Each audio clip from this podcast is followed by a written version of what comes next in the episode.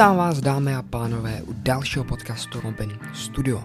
Naším dalším hostem je právník a předseda strany Svobodných Libor Vondráček, který už tu byl před rokem, před volbama do poslanecké sněmovny. A dneska tu byl znovu, protože jsme se bavili o výsledku voleb do poslanecké sněmovny, svobodě slova, anebo také padla řeč o zelené politice. Tak vám přeju hezký poslech. Dobrý den, dámy a pánové, vítám vás u dalšího podcastu Robin Studio. Naším dalším hostem je podruhé právník a předseda Svobodných Libor Vondráček. Zdravím tě, vítám tě tady. Děkuji za pozvání, Robine. Uh, chtěl jsem se zeptat, uh, dřív to byla uh, strana svobodných občanů, Mm-hmm. tak už se tomu nedá říkat, nebo Tak už to, už to není oficiální název? Nebo? oficiální název to není, někteří nám pořád říkají strana svobodných občanů. Je to asi jedno podstatné, je, že jsme svobodní a že jsme strana, takže eh, když se to dá v tom původním Jo. formátu, tak to není nic, čeho bychom se báli. Je pravda, že někteří eh, dělali takovou ošklivou zkratku na začátku, když byla strana svobodných občanů, tak s těma prvníma dvěma písmenkama nás trošku zlobili, ale my jsme si zkrátka řekli, že eh, svobodní je vlastně to, co popisuje, o co nám jde, takže, takže jsme to zkrátili. Vaše strana nebo vaše koalice Trikolora Svobodní soukromníci v posledních volbách do poslanecké sněmovny získala téměř eh, dvě- eh, 150 tisíc hlasů, což je 2,7% hlasů, což nestačí na těch 5% Mm, mm. na vstup do poslanecké sněmovny. Tak eh, jak hodnotíš ten výsledek voleb? No, určitě zpětně, když se na to člověk podívá, tak najde plno chyb, které jsme udělali. Udělali jsme plno takzvaně taktických chyb.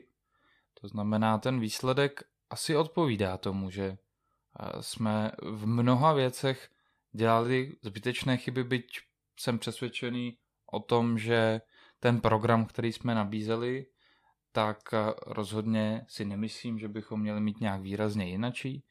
Eh, Jsem přesvědčený o tom, že i to spojení v tu chvíli dávalo velký smysl, že jsme ty síly chtěli ne tříštit, ale spojovat, ale zároveň je to pro nás příležitost se poučit, protože tak, jak svobodní už třeba 13 let fungovali, eh, občas se to stávalo, že lidé, kteří přišli a pomáhali nám v rámci těch voleb, eh, tak potom byli zklamaní z výsledku, vykašlali se na to a my jsme museli znova učit nové lidi dělat ty stejné věci, které předtím už jsme se jakoby naučili. Tohle to se nestalo, to je velká změna tentokrát, přestože ten výsledek byl pro nás zklamáním, eh, tak přesto vlastně ta motivace pokračovat dál a dávat něco svobodě, odpovědnosti jednotlivce, dávat něco tomu, aby jsme s tím něco mohli udělat, s tím, kam naše země dneska směřuje, eh, tak eh, to bylo daleko silnější než eh, to zklamání z toho výsledku, takže z toho já mám velkou radost, že vlastně ty lidi, kteří se učili mnoho věcí dělat poprvé, dělali takovouhle kampaň velkou poprvé, tak nám zůstali a vědí, že minimálně ty další čtyři roky eh, budou chtít pracovat a budou chtít eh, tentokrát třeba to dělat s méně chybama, nebo dělat chyby jiné, tak jak už to chodí, ale neopakovat ty chyby, které se eh, staly v průběhu třeba té volební kampaně. Teďka budu citovat z vašeho webu těsně před volbama. V průzkumech se jsme posílili, váš hlas nepropadne a tři vykřičníky. Tak eh, nebylo to tak, taky chybou, že, že jste takhle, eh, že jste čas, často říkali, že s jistotou, nebo že váš hlas nepropadne a, a pak máte nakonec 2,7% hlasů. No, když se zamyslíme nad tím, co to znamená, když někomu propadne hlas, eh, tak možná přijdem na to, že to, že někdo dá hlas straně, která má pod 5%, neznamená automaticky, že jí propadne hlas. Když nic jiného, tak člověk, který hlasuje, tak dává virtuálně svoji 100 korunu té straně, které dává hlas.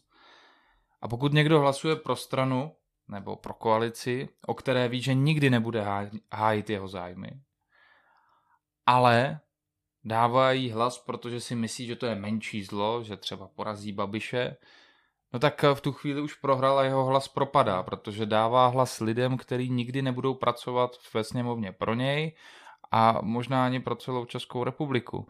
Takže já chápu, že lidi nad tím přemýšlí, eh, snaží se trošku taktizovat v těch volbách, bojí se toho, že jejich hlas v úvozovkách propadne, ale já na to odpovídám, každý hlas, který dáte straně, která vás nehájí a předpokládáte, že vás hájit nebude, tak propadá. No a velké množství lidí si to uvědomuje teď, když vidí realitu, když vidí tu praxi, protože nám hodně lidí řeklo, že nám fandí, že by nám i hlas dalo, ale eh, hlas dali třeba raději eh, koalici spolu a dneska tito lidé k nám přichází a stávají se z nich členové naší strany, takže eh, myslím si, že oni možná cítí daleko víc, že jejich hlas propadnul, než ti, kteří ten hlas dali nám, ale chápu, že naším úkolem je tady ten strach eliminovat a dostat se pravdu dlouhodobě nad těch 5%, tak, aby lidé z toho strach neměli, protože s tím se bohužel nedá nic dělat. Lidi z toho strach mají a řídí se podle průzkumu ve volbách. V tomto lidi nepřevychováme, my vlastně lidi ani převychovávat nechceme, eh, ale musíme se tomu přizpůsobit a musíme být dostatečně silní, aby nepochybovali, že příště eh, to bude bezpečně nad 5%. Hmm, ale, ale v tomhle kontextu tak si lidi mohli myslet, že jako je to jasný, že, že, se, že se dostanete. Tak eh, je pravda, že ty průzkumy vychází každý trošku jinak hmm. a nakonec, nakonec prostě přijde tíha okamžiku a eh, zase já, když jsem třeba ten průzkum viděl a vnímal jsem to nasazení v rámci eh, vlastně toho předvolebního klání, viděl jsem, jakým způsobem nás, na nás lidi reagují, jak často třeba podepisovali naší petici za korunu, jak když jsme se tam potkávali v těch ulicích, jak opravdu pozitivně vnímali potom i ta televizní vystoupení. To si myslím, že pro mě byl hmm. vlastně velký takový prvotní, prvotní impuls, když jsem se párkrát utkal s těmi stávajícími ministry, s paní Maláčovou, s paní třeba Černochovou, s panem Šlachtou a, a teď se podařilo i v tom hlasování třeba nějak uspět. A, a potom ty lidi chodili a na ulici opravdu říkají, vás jsem viděl v televizi, pěkně jste to tam říkal, dám vám hlas. Já sám jsem v tu chvíli těm průzkumům určitě věřil, protože jsem eh, tu odezvu měl velice hmm. pozitivní z té ulice. A je pravda, že třeba u nás v jeho českém kraji, kde jsem tu kampaň dělal maximálně, protože celostátním lídrem byla Zuzana Majerová, Eh, takže já jsem měl za domácí úkol zaměřit se, abychom nepropadli v jeho českém kraji.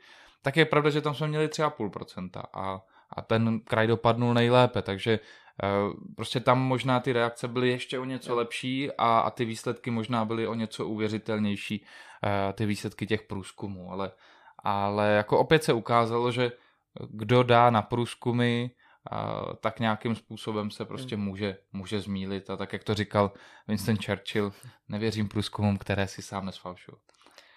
A uh, mysleli jste si, um, že, že se dostanete? No já jsem popravdě musím říct, že ve chvíli, kdy jsme uh, tu spolupráci dohadovali, tak jsem o tom byl velice přesvědčený. Uh, v průběhu vlastně, když Václav Klaus si rozmyslel tu svoji účast, vycouval z toho, tak eh, pak jsem byl dost skeptický, ale vnímal jsem to, že eh, jednou jsem si na něco dal ruku a rozhodně nechci být zapsaný jako ten, kdo při nejbližší příležitosti opouští potápějící se loď, který nedodržuje dohody, takže eh, já jsem si dost dbal na tom, abychom, abychom odpracovali to, co jsme měli odpracovat, aby z naší strany to nasazení bylo takový, že se za něj nemusíme stydět. Myslím si, že to tak bylo že všichni, kteří do té kampaně byli zapojeni, tak dělali to nejlepší a naplno. No a je pravda, že v poslední fázi jsem tomu věřil o něco víc, eh, nebo dá se říct, že až v té poslední fázi jsem k tomu skutečně věřil, že to bude na těch 5%, protože, jak jsem říkal, ta odezva byla velká. A, a myslím si, že to je velký handicap, když eh, vás třeba nezvou do české televize ve chvíli, kdy je tam 14 debat, je tam 14krát dvě hodiny pohled na eh, nějaké politiky a následně eh, potom volič si má uvědomit, že může dát hlas třeba i někomu jinému, že i třeba někdo jiný by se tam mohl dostat.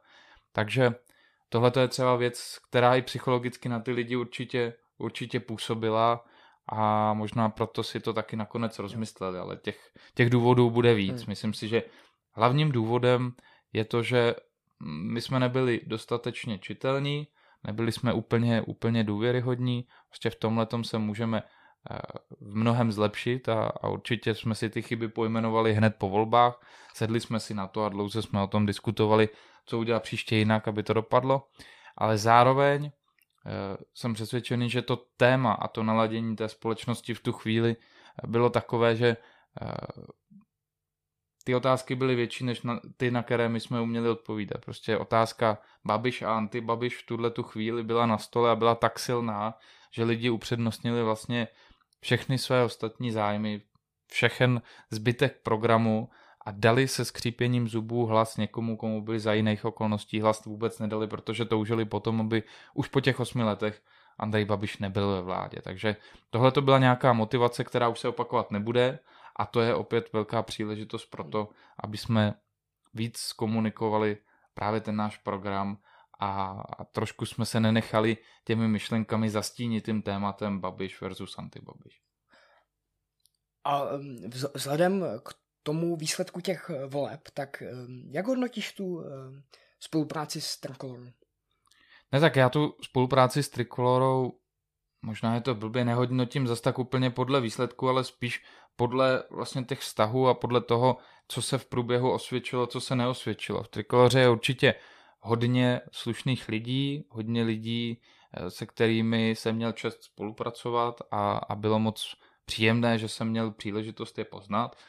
Na druhou stranu právě eh, třeba díky tomu, že svobodní jsou postaveni na takovém principu, eh, na kterém stojí třeba republikáni v Americe, to znamená primární volby, široká množina lidí určuje pořadí na kandidátkách, nedochází tam k žádným machinacím, že by někdo krátce před volbami přišel a řekl, tak já chci být tam jednička, dám tady nějaké peníze nebo uh, prostě nějak si to zařídím a všechno to přehážu.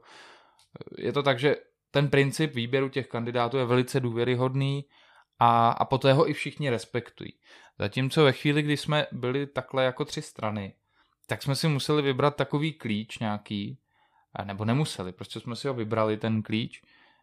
Já jsem v tu chvíli určitě nebyl dostatečně silný na to, abych si eh, mohl úplně vyjednat vlastní výběr kandidátů. To znamená eh, to, co bych rozhodně prosazoval v tuto chvíli. Myslím si, že teď ta pozice svobodných, eh, kdybychom chtěli spolupracovat s kýmkoliv, tak je daleko silnější, než byla před volbami. A tím pádem já bych trval na tom, že opravdu výběr těch kandidátů musí být na tomto principu. Máme nějaké primární volby, ty určí pořadí a je velká pravděpodobnost, že když někdo přesvědčí o tom, že je dobrý velkou množinu lidí, kteří se zapojí do těch primárek, třeba jako Donald Trump, když, pře, eh, když přesvědčil hlasující v republikánských primárkách, tak pak má mnohem větší šanci uspět, než když se do, o tom dohodnou funkcionáři někde u stolu, protože si řekli, že budou mít takový klíč, že třeba uh, Tekolora bude mít sedm lídrů, uh, svobodní tři, soukromníci tři.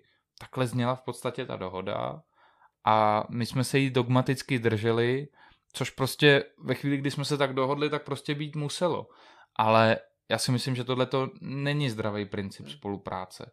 Že Kdyby jsme si udělali společné primární volby, tak v tom kraji, v tom daném kraji, se vždycky do čela dostanou ti nejlepší.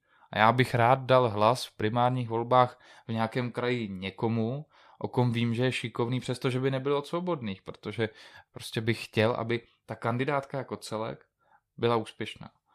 A, a myslím si, že většina lidí by takhle uvažovala, byť by tam určitě ten stranický dres hrál svoji roli.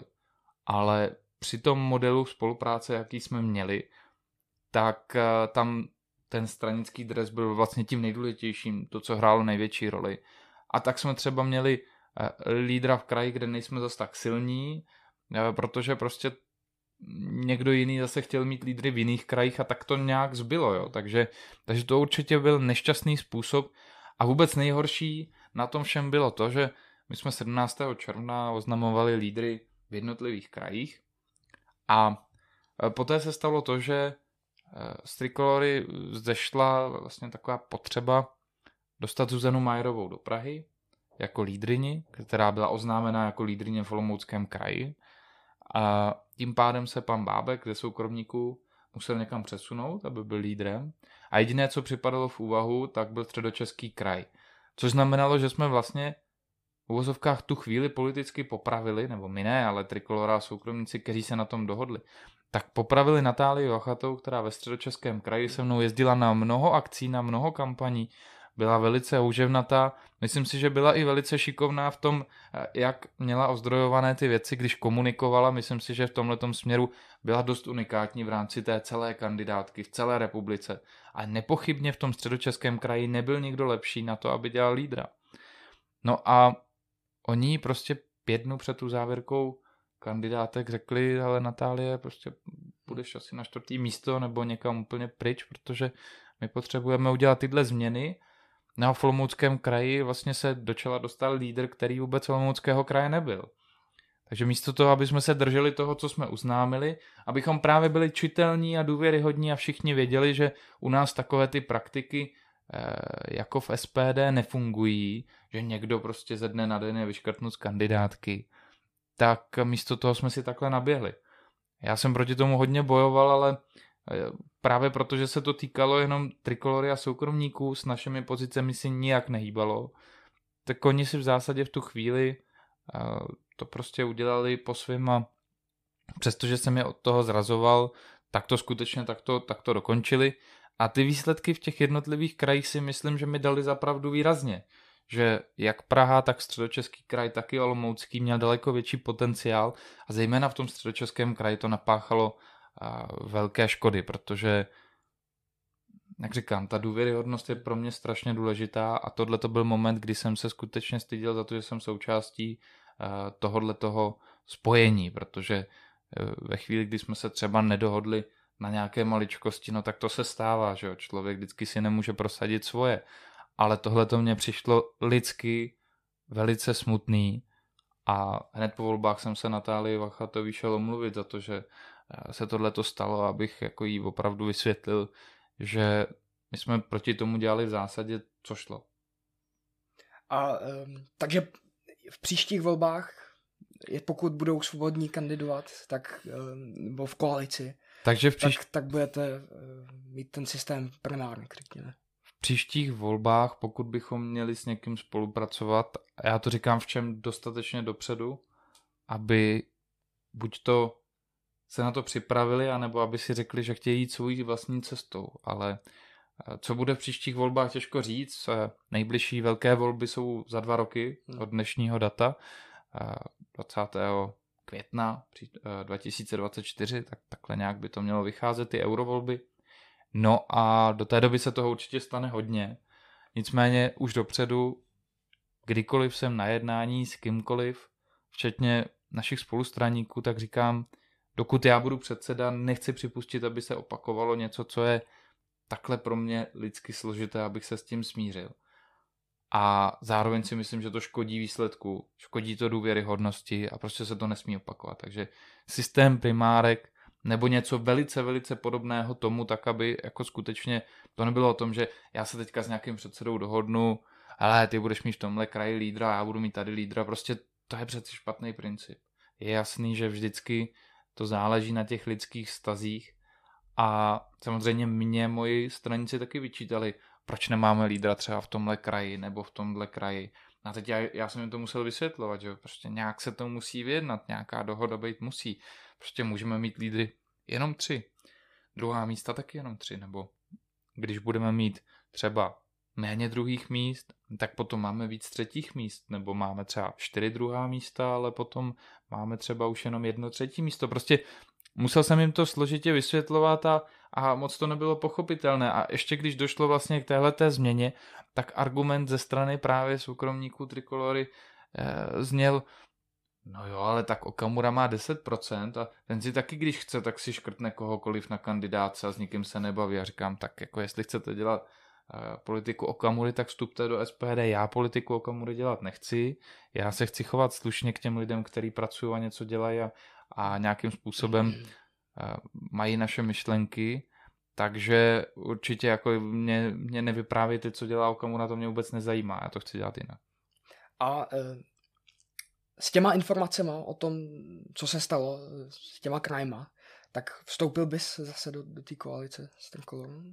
No ne, já říkám, že pokud tam ten obecný princip bude takový, eh, o jakém hmm. mluvím, eh, tak to vlastně je tak... pojistka, pojistka proti tomu, aby se něco podobného dělo. Eh, zároveň je to ale tak, že já jakoby opravdu nevím, co, co bude s Trikolorou za dva roky, protože ten vývoj u nich je tak turbulentní, že dneska je reprezentují nějací lidé, před rokem touhle dobou to byli jiní lidé, před rokem a půl úplně jiní lidé, to znamená, jako já asi nechci nějak úplně mluvit o Trikoloře, protože opravdu ty věci se dějou v rámci třeba zejména jejich strany dost turbulentně, takže kdo ví, jak to s nima za dva roky bude. Tohle je velká výhoda svobodný, že my máme jasně dané koleje, víme, kam jedeme, říkáme věci, eh, které třeba v nějaké době nejsou ani úplně eh, moc oblíbené, ale prostě trváme si na svých zásadách. A, a časem nám třeba dávají ty lidi za pravdu, že to bylo správně, takže proto třeba u nás ten vývoj není zas tak turbulentní, protože prostě všichni ví, do čeho jdou. A, a není možné, aby k nám chodili lidi, kteří třeba filozoficky eh, o životě přemýšlí úplně jinak, než, než prostě svobodní mají ve své DNA. Jo, dobře. A mám, mám tady teďka jednu fotografii. Mm-hmm. Můžeme se na ní podívat. Celkové zdanění bylo 13,4%, dnes je 46,3%. Za Rašina bylo líp. Za mír, za svobodu, za kapitalismus. To je eh, na billboardu. To je na billboardu v ulici Photoshopová, to znamená, na žádném billboardu na, na to žád... není, ale a bude? je bude to, to parodie eh, to nevím, to jsme úplně nepřemýšleli, protože eh, nám většinou vychází, že ty billboardy zas tak moc úplně nefunguje a možná nějaký billboard, jeden, dva třeba bychom mohli takhle eh, dotáhnout do konce, aby to nebylo jenom u toho obrázku, uvidíme. Nicméně byla to reakce na to, jak vlastně teďka eh, po Andrej Babišovi ještě Tomi Okamura se ho snažil trumfovat, že vyřeší drahotu a, a že za něj by bylo ještě líp tak jsme si říkali, no tak když za někoho bylo líp, za někoho ještě líp, tak teď je otázka, za koho bylo nejlíp, anebo za koho by mohlo být nejlíp.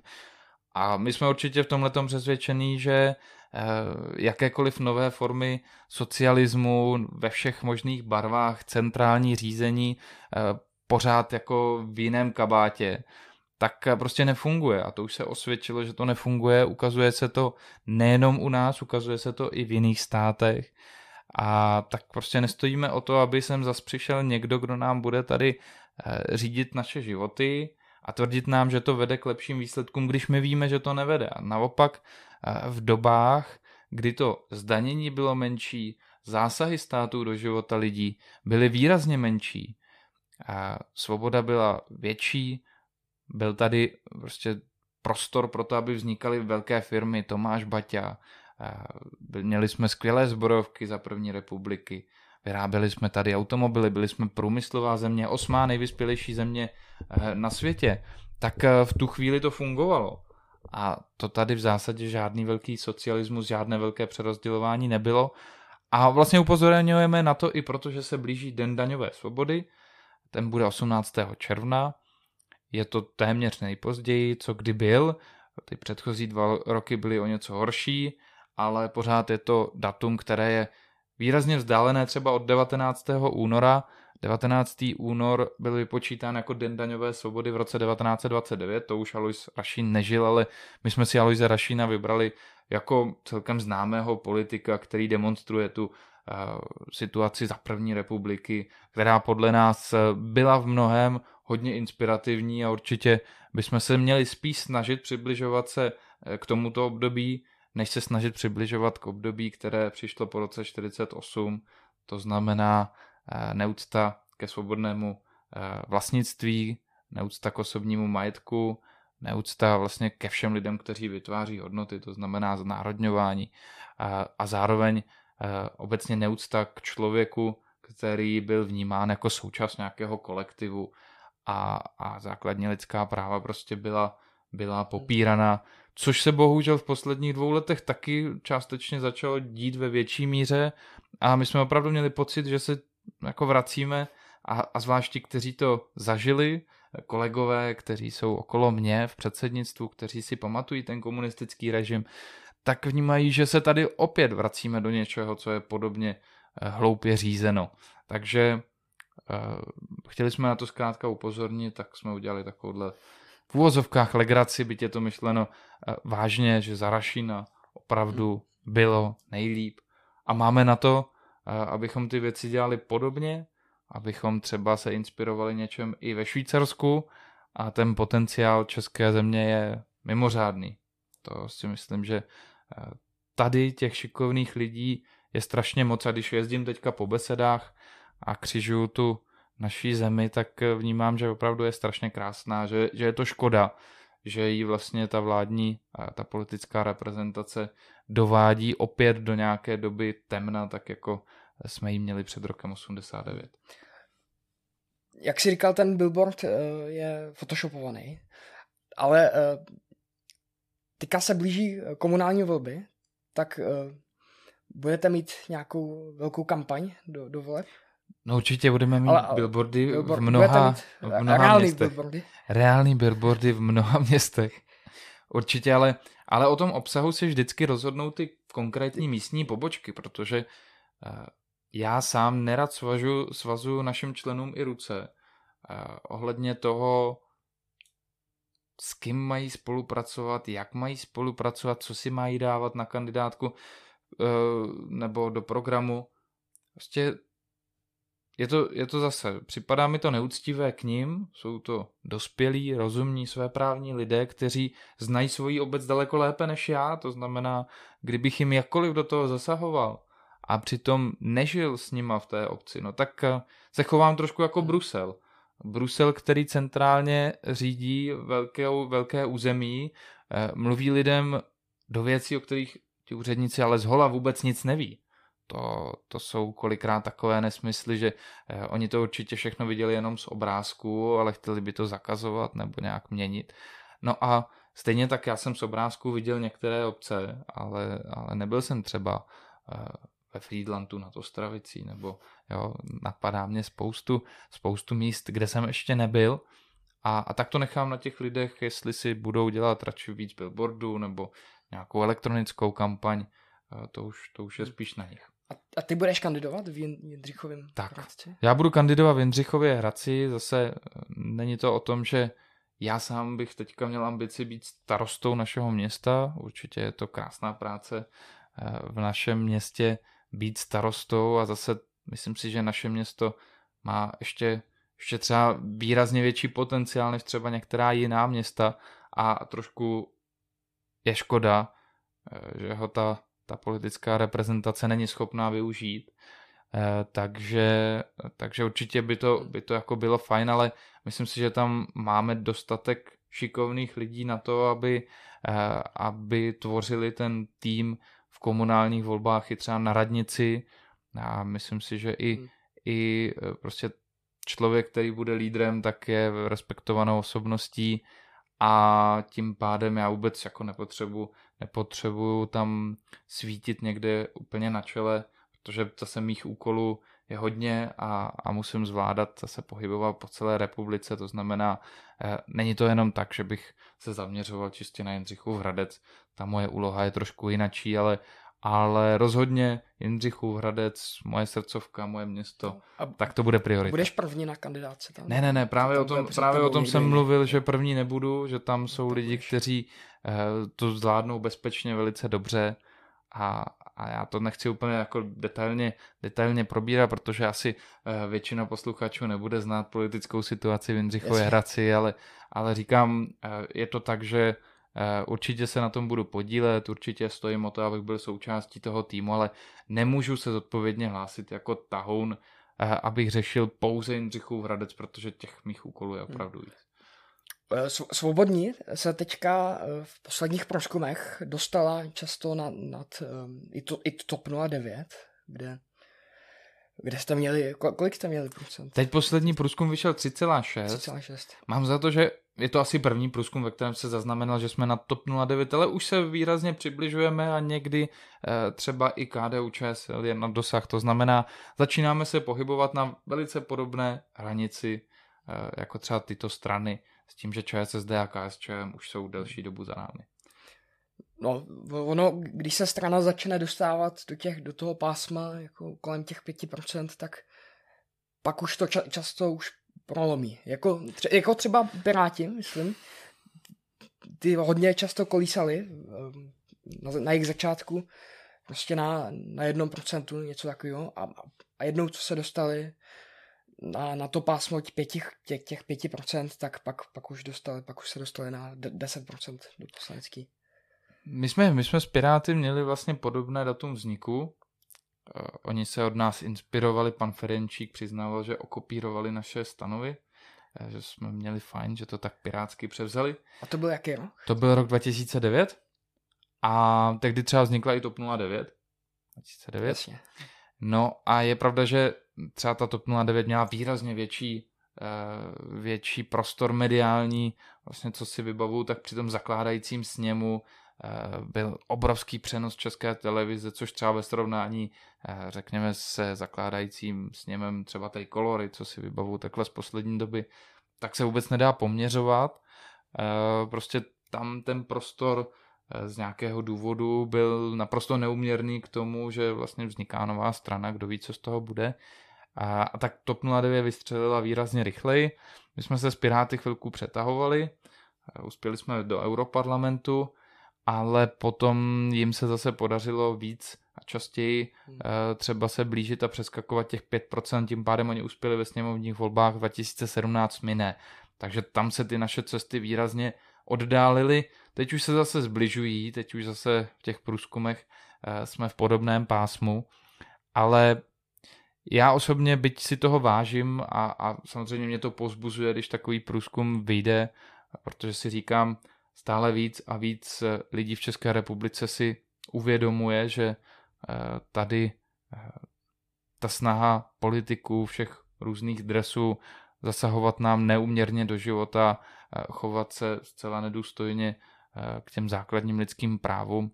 Takže to je tendence, kterou si nepřejí, že nechtějí, aby politici takto hodně řídili jejich životy a je to tím pádem už pomalu vidět i v těch průzkumech a v tom, kolik vychází procent právě svobodným. Takže tohle to je určitě pozbuzující.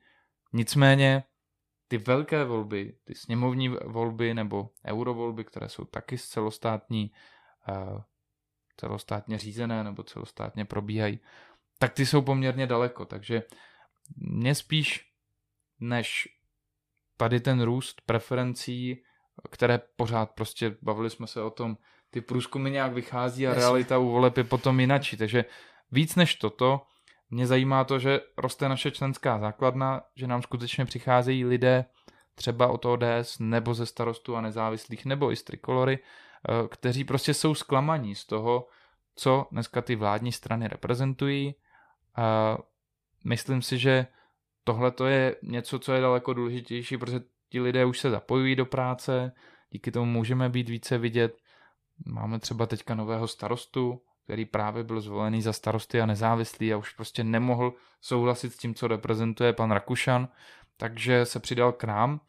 A tohle je velká posila, protože jsou to chytří lidé, kteří zase mohou doplnit nějaké naše týmy i odborné, no a zároveň přichází hodně mladých lidí, což je zase podle mě výborná investice do budoucna, že eh, ta strana, která dneska už má přes 4% preferencí právě u mladých voličů, eh, tak si myslím, že může být do budoucna vlastně takovým, eh, takovým prototypem v uvozovkách pravicových pirátů, kteří budou mít podporu těch mladých lidí, kteří vidí, že ten princip, ten systém je vůči nim nespravedlivý, že jim projídáme jejich budoucnost, že zadlužujeme budoucí generace, že se vlastně chováme taky strašně pyšně vůči budoucím generacím, protože když v Evropské unii zakazují výrobu automobilů, eh, klasických automobilů od roku 2035, jejich používání od roku 2050,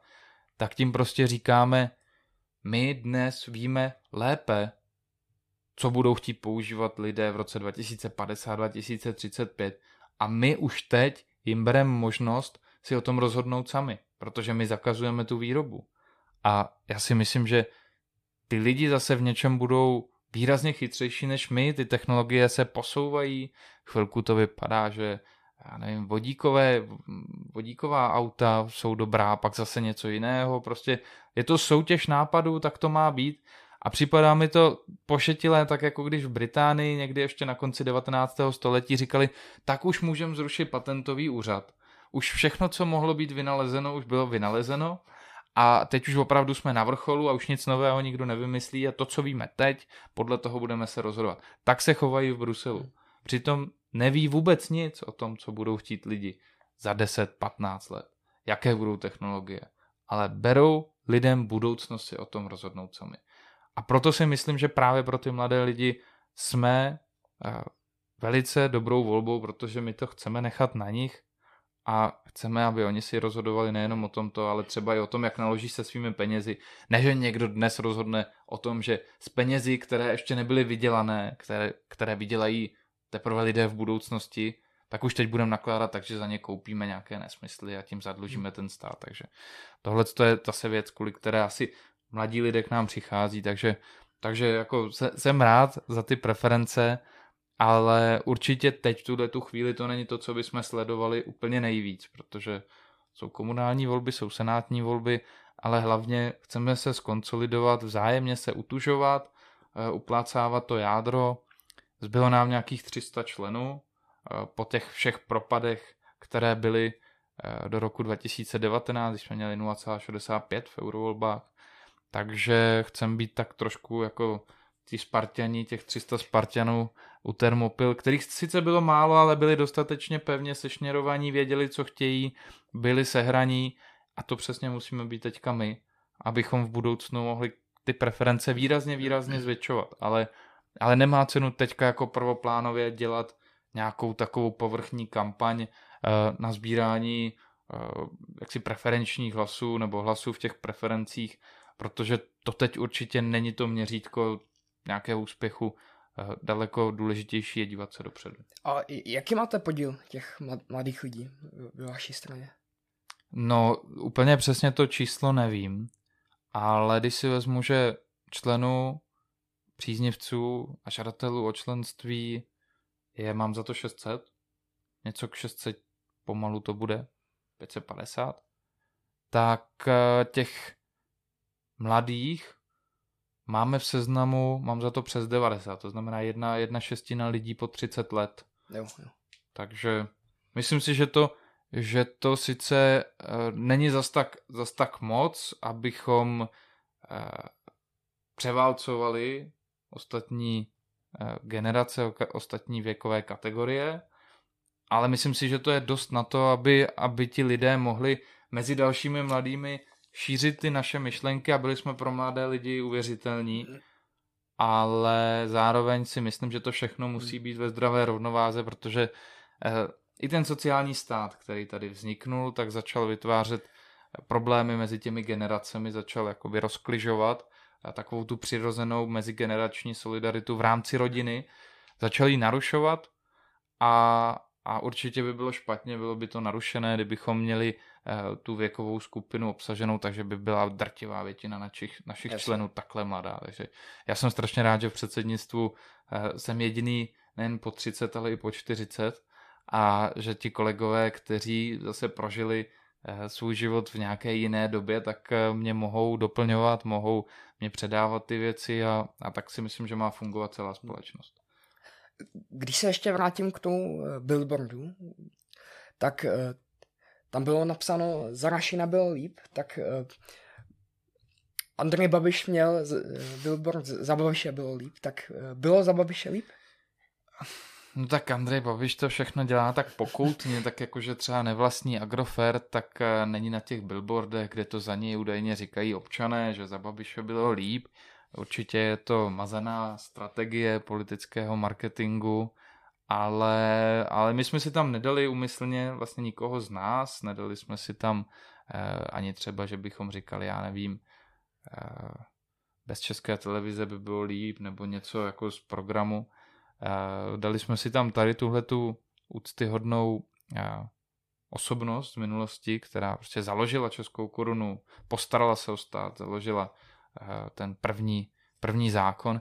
No ale když se vrátím k Babišovi, tak jako určitě za Babiše někomu bylo líp. Že? Třeba těm firmám, které dostávaly ty zakázky v době covidu, těm určitě bylo líp. Um, myslím si, že třeba to plošné testování, které, a teď nevím čísla předchozí, ale on ho zavedl kabinet Andreje Babiše, tak letos, když jsme se o tom bavili, tak letos to vyšlo uh, už novou vládu, vládlu, vládu Petra Fialy, to vyšlo za první měsíc třeba půl miliardy. No vemte si, jak dlouho trvalo plošné testování uh, za té předchozí vlády. Že? Ta naše, ta hmm. současná vláda už uh, zase tak moc těch testů nenakoupila, ale Babiš jich koupil daleko, daleko víc a samozřejmě ty firmy se měly hodně dobře, takže těm bylo určitě líp. Eh, líp bezpečně je třeba Věře Jourové v eurokomisařce, která eh, dneska bojuje proti občanům eh, v Bruselu, bojuje proti svobodě lidí a bojuje v barvách vlastně v úvozovkách České republiky, byť ona musí být nezávislá a já mám pocit, že bojuje spíš proti České republice než v barvách České republiky, ale hlavně bojuje v barvách Andreje Babiše, v barvách ANO, byla tam nominovaná eh, premiérem, byla tam nominovaná po té, co vlastně před rokem 2014, když tam šla poprvé, tak dělala ministrini za ANO, toto ministrině pro místní rozvoj, to znamená, eh, určitě jako některým lidem rozhodně bylo líp, no. A zase, ve chvíli, kdy my jsme tady měli předvolební kampaň, tak eh, Petr Fiala rád říkal Babišova drahota, že to byla taková kampaň, rostla inflace, oni říkali Babišova drahota. Eh, poctivě řečeno, není to ani Babišova, ani Fialová drahota. To, že někdo to řekne, byla menší inflace, tak bylo líp, ono to všechno má nějakou dostředivou tendenci. To znamená, když začnu rozhazovat peníze za nic, prostě bez vytváření hodnot, když zavřu, když zavřu obchody, zavřu provozy, přestane se vyrábět, ale budu pumpovat peníze do ekonomiky, no tak tím samozřejmě podporuji inflaci. To dělal Andrej Babiš, my jsme tady měli neskutečně dlouhé lockdowny, dneska se ukazuje, že to byl absolutní nesmysl po zdravotní stránce dokonce ale po ekonomické stránce to bylo zřejmé, že to je prostě věc, která nás v budoucnu bude bolet. No a to se samozřejmě propisuje i ve výši současné inflace, se kterou by určitě současná vláda mohla dělat mnohem víc a nedělá, takže máme důvody, proč ji kritizovat, ale poctivě řečeno, to, že tady je inflace, eh, je nejenom zásluha i Andreje Babiše, ale dokonce i těch vlád předtím, stejně tak vlastně České národní banky, která dlouhodobě se snažila vyrovnat eh, Evropské centrální bance, tiskla peníze, zase tisknout se neříká, to je ošklivé, radši budeme říkat kvantitativně uvolňovala peníze do oběhu, eh, protože se chtěla vyrovnat v rámci držení kurzu k nějaké, eh, k nějaké výši vůči euru. Česká národní banka dlouhodobě svými intervencemi znehodnocovala českou měnu tak, aby se pohybovala na 27 korunami za euro.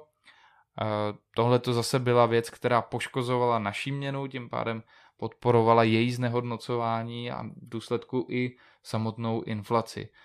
Prostě oni, oni dlouhou dobu říkali, musíme cílit na dvouprocentní inflaci, tak budeme tisknout peníze, budeme je, budem je znehodnocovat tu naši měnu a ve chvíli, kdy je najednou inflace 20%, tak eh, neví, co s tím. Hmm. Jako v těch statistikách eh, CPI toho indexu spotřebitelského eh, se uvádí o něco menší částka než 20%, o něco menší výše, ale skutečná reálná inflace už dneska určitě je 20%. CPI je takový trošku podvod, takový fígl, protože do CPI si zařadíte jenom něco, nějakou částku ale inflace, která se opravdu dotýká všeho od bydlení přes, stavebniny, když si chcete nějaký byt zařídit eh, a tak dále a tak dále, tak je určitě dneska přes 20%. A je to o tom, že Česká národní banka v 90. letech ještě měla eh, trochu jiné úkoly, než má teď. Eh, tehdy měla skutečně hlídat to, aby nekolísala naše měna, nic víc. Dneska už vlastně ty úkoly jsou daleko širší, má sledovat nějakou cenotvorbu, má sledovat i další úkoly v rámci toho, co za úkoly dává zákon o České národní bance, Národní bance. No a tím pádem oni se prostě upnuli na dvouprocentní inflaci, kterou uměle přiživovali a teď se diví, že ta inflace je takhle obrovská. Takže říkám, jestli bylo líp nebo nebylo líp, to ať si posoudí každý sám. Někomu určitě bylo, někomu nebylo, ale nemyslím si, že má cenu vůbec jakoby se v tom pitvat, protože rozhodně mohlo by být daleko líp, než, současné, než za současné vlády i než za vlády Andreje Babiše. Hmm. A, a proč se prostě spokojit s tím, že někdy bylo něco trošku líp, nebo nebylo trošku líp. Že chtějme to nejlepší, eh, vytvářejme na sebe i sami tlak, protože diamanty nakonec vznikají pod velkým tlakem a myslím si, že Česká republika může být diamantem, ale musí tady skutečně fungovat takový ten zdravý, zdravý tlak v rámci podnikatelského prostředí, v rámci vlastně i, i těch pracovníků, tak aby byl Eh, nějakým způsobem dostatečně velký prostor k tomu růstu a ne, aby jsme si tady sami podráželi nohy a ničili se některými nesmysly, jako je třeba Green Deal. Hmm. A ten, ten teda taky výrazně zařídil to, že je inflace. K tomu Green se můžeme to obrovsky dostat ke Green Dealu, ale uh, uh, fialová drahota, já, já, to je takový jako, podle mě, takový marketingový tah ze strany Babiše, já jsem tady ekonoma Lukáše Kovandu, se kterým jsme to probírali, tak to si můžete diváci pustit. Ale um, jak vnímáš uh, tu novou vládu Petra Fialy? Je, je, to, je to zlepšení po, po minulý vládě, nebo je to no, ještě horší? Já myslím, že tam ta úroveň třeba marketingu je velice podobná jako u Andreje Babiše. Prostě tady se zvýrazňují některé rysy Petra Fialy, staví se to na tom, že uh, Andreje Babiše jsme údajně měli volit, protože maká nežvaní, Petra Fialu zase údajně máme volit, protože se ho za něj nemusíme stydět. Jo, jsou to takové prázdné fráze, nic neříkající o tom vlastně, jak v realitě eh, ty vlády vládnou, to znamená, já si myslím, že co se týče marketingu si vůbec nemusí Babiš s Fialou nic vyčítat, protože Babišova eh, drahota byla daleko dřív než ta Fialová. Prvně to používal Fiala proti Babišovi, dneska to Babiš používá proti Fialovi. To znamená, oni ty marketingové zbraně jsou takové dvoj, dvojsečné, mně připadá trošku zoufalé, když dneska na stránce facebookové ODS my vlastně vidíme, to nazývají šedé stíny bývalé vlády a, a teď vlastně pořád jedou tu kampaň antibabiš. Ve chvíli, kdy už jsou u moci, ve chvíli, kdy mají prezentovat svoji práci, svoje myšlenky, svoje plány, tak pořád vlastně se snaží získávat politické body na tom, že ten Babiš byl špatný, to znamená, my jsme jakoby menší zlo, místo toho, aby prezentovali svoje vize, to, v čem jsou opravdu dobří, tak se snaží ukazovat, ale ten Babiš je špatný, prostě dávejte ten hlas nám, protože on je špatný. A oni asi nejsou o moc lepší, jo, protože kdyby byli o dost lepší, nemusí se poměřovat s něčím tak špatným, jako je Andrej Babiš. Takže v tomhle směru si myslím, že ta vláda vlastně sama odhaluje to, že ona se moc silná necítí, když potřebuje se víc než sama o sobě bavit o té vládě předchozí. Mě určitě hodně lidí, kteří k nám právě přichází bývalí členové třeba z ODS, eh, tak mě prostě říká, že je ta vláda pro ně velkým zklamáním a já jsem teda musím říct, že eh, mnoho věcí jsem čekal, ale mnoho věcí mě i negativně překvapilo. Takže, takže je to pro mě asi taky jako zklamání. Myslím si, že vůbec není na místě mluvit o jakkoliv pravicové vládě. Tohle, co se dneska děje s pravicí, nemá nic společného. Tím, že klub KDU ČSL, Stanu i TOP 09 dohromady tyhle ty takové jakoby středolevé strany mají poměrně výrazné eh, množství poslanců, tak eh, prostě oni si tam jedou svoji agendu. Moc se to nepromítá v průzkumech ODS, proto, nebo v těch výsledkách ODS v průzkumech, protože myslím si, že lidi to vnímají tak, že tohle je vláda ODS, všechno, co ta vláda zavádí, tak ať už se jim to líbí nebo se jim to nelíbí, tak prostě připisují ODS. Hmm. Takže byť se vlastně reálně realizuje víc program KDU, ČSL, TOP 09, Stanu, no tak Stan nemá žádný program, ale eh, nebo třeba i těch Pirátů, tak vlastně paradoxně ODS roste, ale právě protože se vlastně k ní přelívají voliči koaličních partnerů, ti přechází k ODS a naopak ti pravověrní a skuteční dlouhodobí voliči ODS už přechází k někomu jinému, protože prostě to, co se dneska děje, to určitě nereprezentuje ty myšlenky ODS tak, jak byly třeba postavené na poděbradských artikulách. Takže já se opravdu divím, že ODS, eh, nebo že celá vláda přistupuje dneska k tomu, že řeší věci jako kvóty na ženy ve vedení firem v době, kdy tady těch problémů je skutečně dost. A tohle je asi nejmenší problém, který by měla vláda řešit, ale zabývá se tím.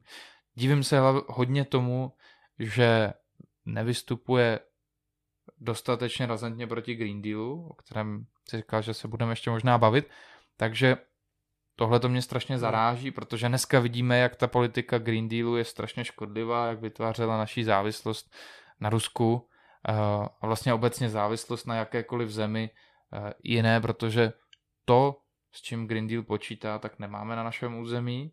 Naopak ty zdroje, které na našem území máme, jako je třeba uhlí, tak ty se snaží absolutně škrtnout. Ale o tom se možná budeme mluvit ještě potom. No a, a současně ve chvíli, kdy tahle ta vláda, kterou ještě někdo pořád označuje za pravicovou, ve chvíli, kdy začala říkat, že bude kontrolovat marže podnikatelů benzínek nebo třeba prodavačů jídla, no tak to už je pomalu blížení se k tomu, kdy vlastně stát tady vůbec tu cenu nejenom kontroloval, ale i tvořil a určoval, cokoliv může stát, cokoliv nemůže stát. A my víme, že to nefungovalo v minulosti, nefunguje to ani dneska. Dneska, když člověk jede do Maďarska, tak tam vidí, že tam visí, visí na těch maďarských pumpách nálepky, že maximálně 10 litrů. Protože prostě ve chvíli, kdy zastropujete ceny a takhle narušíte nějak ten trh, místo toho, abyste to dělali jako třeba v Polsku, kde snížili daně, tak eh, prostě začnou některé, eh, některé pumpy mít problém, proč bychom prodávali něco takhle pod cenou, tak ne, nebudeme to objednávat, začne to docházet, prostě nedostatek nebo třeba i přebytek, eh, to jsou věci, které vždycky přichází s tím centrálním řízením a s takovými zásahy do ekonomiky. Takže naše vláda k tomu se začíná blížit, to mě moc mrzí, myslím si, že ta inspirace třeba právě v Polsku je dobrá, ale musím jí za jednu věc pochválit, myslím si, že je správně, že jsme se dohodli s Polskem ohledně do Turov. To je věc, kterou určitě musím zásadně pochválit, protože eh, tohle to byla taková trošku ostuda, že jsme žalovali na Polsko v Bruselu, že jsme chtěli prostě, ať Brusel řeší za nás naše problémy s Polskem. To si myslím, že je opět nedůstojný, že jsme suverénní země a tyhle ty věci by jsme měli umět v rámci zahraniční politiky řešit. Zase asi správná reakce vlády na to, že prostě není možné tady tolerovat to, že eh, Rusko eh, vstoupilo na území Ukrajiny, teďka tam válčí, že jo, to, to jsou určitě věci, které je správně, že jsme odmítli na rozdíl třeba od té vlády, která tady byla v roce 1999, vláda Miloše Zemana, vláda ČSSD, eh, která prostě umožnila to, že eh, přes nás lítala letadla do Jugoslávie, bombardovala Jugoslávii. Mm, to bylo něco, co si myslím, že mnoho lidí docela správně srovnává s tím, co se dneska děje na Ukrajině. Ale já vždycky říkám, to, že jsme v minulosti dělali chyby, neznamená, že je musíme opakovat. A to, že jsme v minulosti dopustili něco, co se dělo v Jugoslávii, neznamená, že dneska tím máme omlouvat to, co se děje na Ukrajině. To určitě ne. Ale zase, musí tam být zdravá míra toho. Nemůže to být tak, že my budeme dělat všechno, co naštve Rusko. Všechno. Bez ohledu na to, aby jsme si uvědomili, co to přinese nám. Já mám opravdu pocit, že někdy se vyloženě chováme a teď jako já proto nemám jiný výraz než nějaký magoři. Eh, když zakazujeme Čajkovskýho, pro boha, myslíte si někdo, že jako ten Putin kvůli tomu přestane válčit? Jo, my, my tu děláme takové sebezničující kroky, která jsou spíš politická gesta, než že by čemukoliv pomohli. A vůbec tam není ta zdravá míra. Já si fakt myslím, že v tomhle tom se můžeme učit od těch států, které delší dobu mají nějakou zdravou vlastní zahraniční politiku, které třeba se snažily být i neutrální, Zatímco my jsme před bolševikem nebo za bolševika jsme strkali hlavu takhle do Sovětského svazu někam do chřtánu a snažili jsme se tam vlísat. no tak potom, než abychom se naučili dělat tu zahraniční politiku od států, eh, které se takhle úplně nikomu nelísají, tak my jsme si jenom změnili teda ten směr, kam strkáme tu naší hlavu, kde se snažíme být patolízalové a, a vlastně se chováme úplně stejně, jenom prostě jiným směrem. A, a já si fakt myslím, že Švýcarsko, Rakousko a některé další státy jsou pro nás vzorem a oni určitě nedělají taková velká politická gesta, ale možná potom, když už nějaké gesto udělají, nebo když už dělají nějaký krok, tak to skutečně může to Rusko bolet. Ne, že tady jako děláme zákazy Čajkovského. Ještě u té eh, vlády Petra Fialy, tak já jsem upřímně čekal jako něco úplně jiného. Jsem nečekal, že to bude jako až, až takhle jako zahranou od ODSky, kde vidíme blokování eh, těch dezin, dezinformačních webů a eh, třeba ten dáreček 5000 korun pro, no. pro rodiny. Tak teď bude každý měsíc, ne? Co, co na to říkáš na, na ten dárek 5000 korun? No ne, tak to je úplně jasný, že Marian Jurečka je takový zakuklený sociální demokrat, to znamená pokračuje v politice Jany Maláčové, ale jako nikdo vám nemůže dát tolik, kolik vám může slíbit Andrej Babiš, jo. takže eh, on si naběhnul, dal 5000, já vím, že na jihu Čech a KDU ještě před volbama eh, už vyprávělo, jak Oni mají v plánu zavést tady tohleto pastelkovné ve výši 7000 korun, že to vymysleli, hmm. že to je skvělý. No, tak jako v tu chvíli jsme říkali, víte, že to je hodně podobný tomu, jako co chce dělat Andrej Babiš.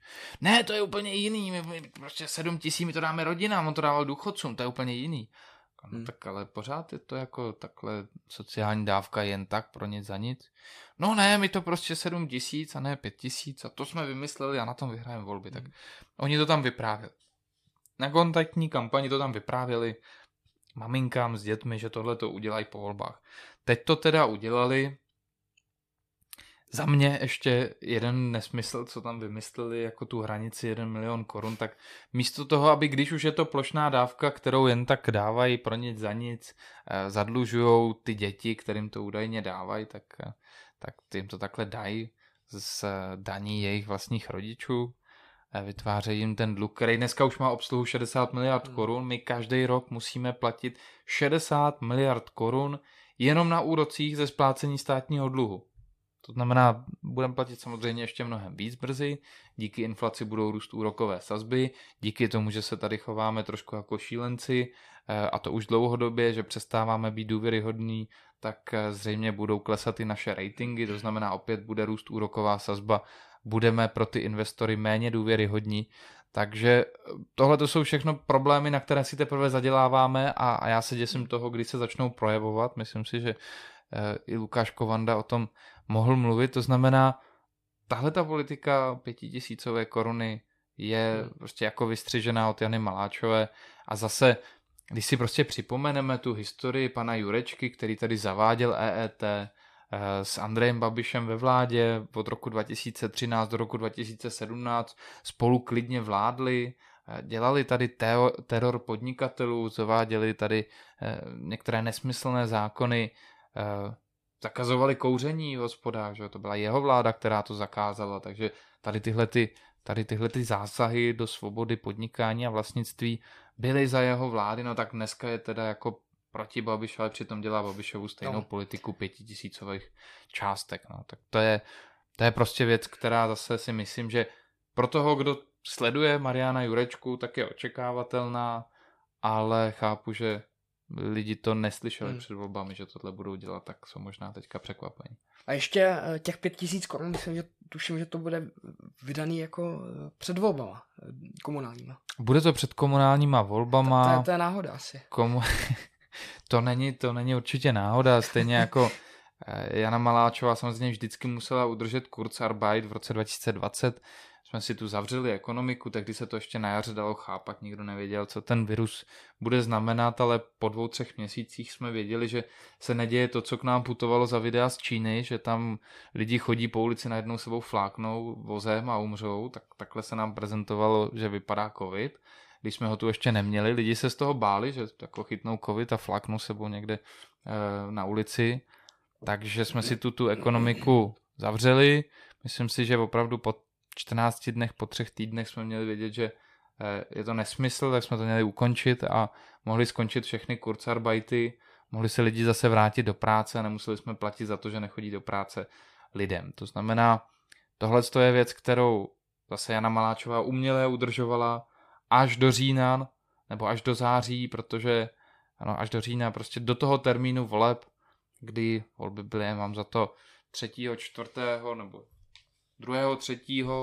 Eh, října byly volby v roce jo. 2020, takže zase Kurzarbeit prostě musela protáhnout do teď a ne náhodou i ty peníze těch 5000 bude rozdávat před eh, volbami krátce, 3-4 týdny před volbami, ale zase pro diváky důležité, pan Jurečka to nedává ze svého, dává to z vašich peněz, dává to ze státního rozpočtu a pokud jste Eh, ti, kteří těch, těch pět tisíc dostanou, tak si pamatujte, že těch pět tisíc vám prostě vyndá z kapsy a pak vám je vrátí, takže eh, platí to daňoví poplatníci samozřejmě.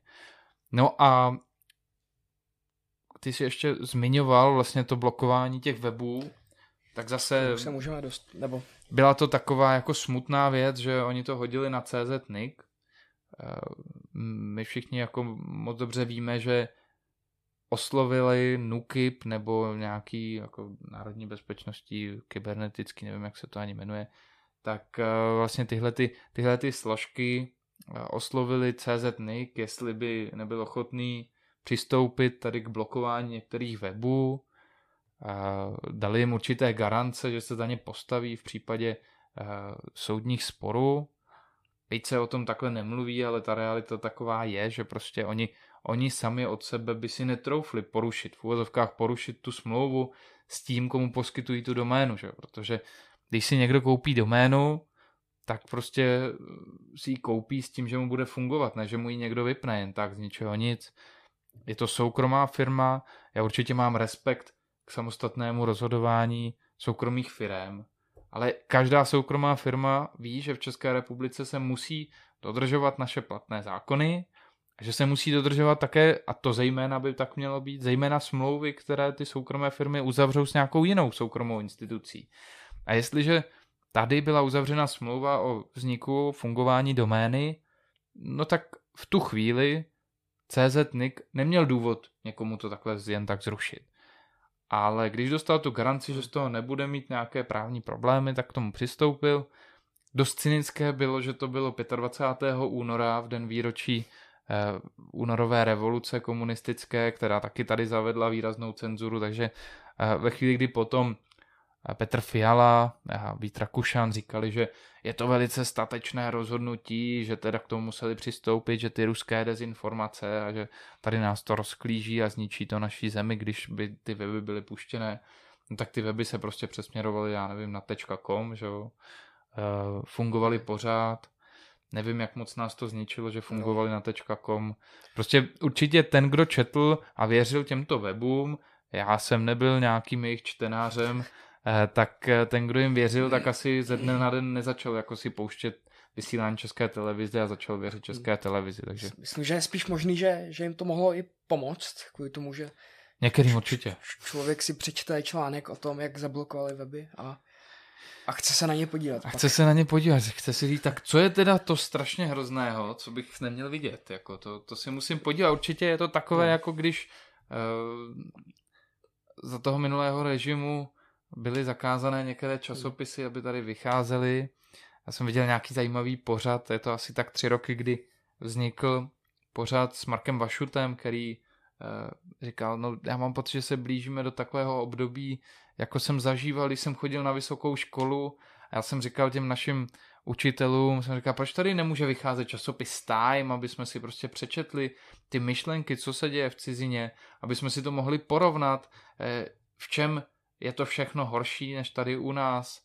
Proč, proč nedopustíte aby tady lidi měli přístup k těm informacím. No tak oni mu říkali, ale pane Vašute, vy jste prostě bdělí, vy jste uvědomělý člověk, vy chodíte na vysokou školu a, a máte prostě dobré známky, vy když si to přečtete, vám se zajisté nic moc špatného nestane, ale, ale co ti prostí lidé, kteří pracují každý den na poli a nemají čas studovat, co je a není pravda, těm by prostě takový časopis vytvořil zmatek v hlavě, to nemůžeme dopustit, tady ty věci prostě nemohou kvůli těmto lidem vycházet, my je před nimi musíme chránit, jo, takže potom opravdu z těch lidí děláme blbce, musíme je chránit před některými informacemi a já zase říkám prostě, tady svoboda slova je základ demokracie.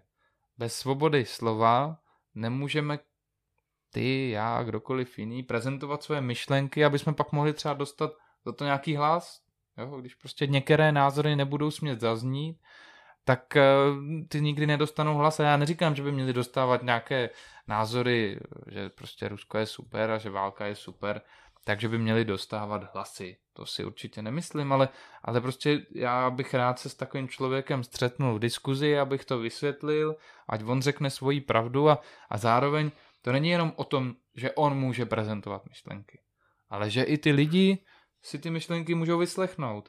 A pro ty lidi je určitě poučný, když se dozvědějí o tom, že tam je nějaký člověk, že se mu líbí válka, že se mu líbí to, co dělá Putin na Ukrajině, no tak si na něj dají asi pozor, že si řeknu, tak třeba by se mu mohlo líbit, kdyby přišel ke mně domů a zmátil mě třeba. To je takový podobný, že jo, tak eh, jako, tak si na něj dám pozor, když se mu tyhle ty věci líbí. To stejné vlastně uh, ohledně propagace nacismu, no tak když, když je někdo uh, takový blbec, že se mu líbí prostě národní socialismus, uh, že National Arbeit Partei, NSDAP, když se mu líbí tady toto, co reprezentoval Adolf Hitler, no tak je určitě dobré pro jeho okolí, aby zase věděli, že se k těmto myšlenkám hlásí, že na sebe někde upozorní a můžou si na něj dát pozor, protože daleko zákeřnější je, když narazíte na nacistu nebo na fašistu nebo nějakého jiného takového prostě militantního socialistu, který, eh, který bude skrytý, zakuklený, vy si na něj nedáte pozor a pak prostě vám,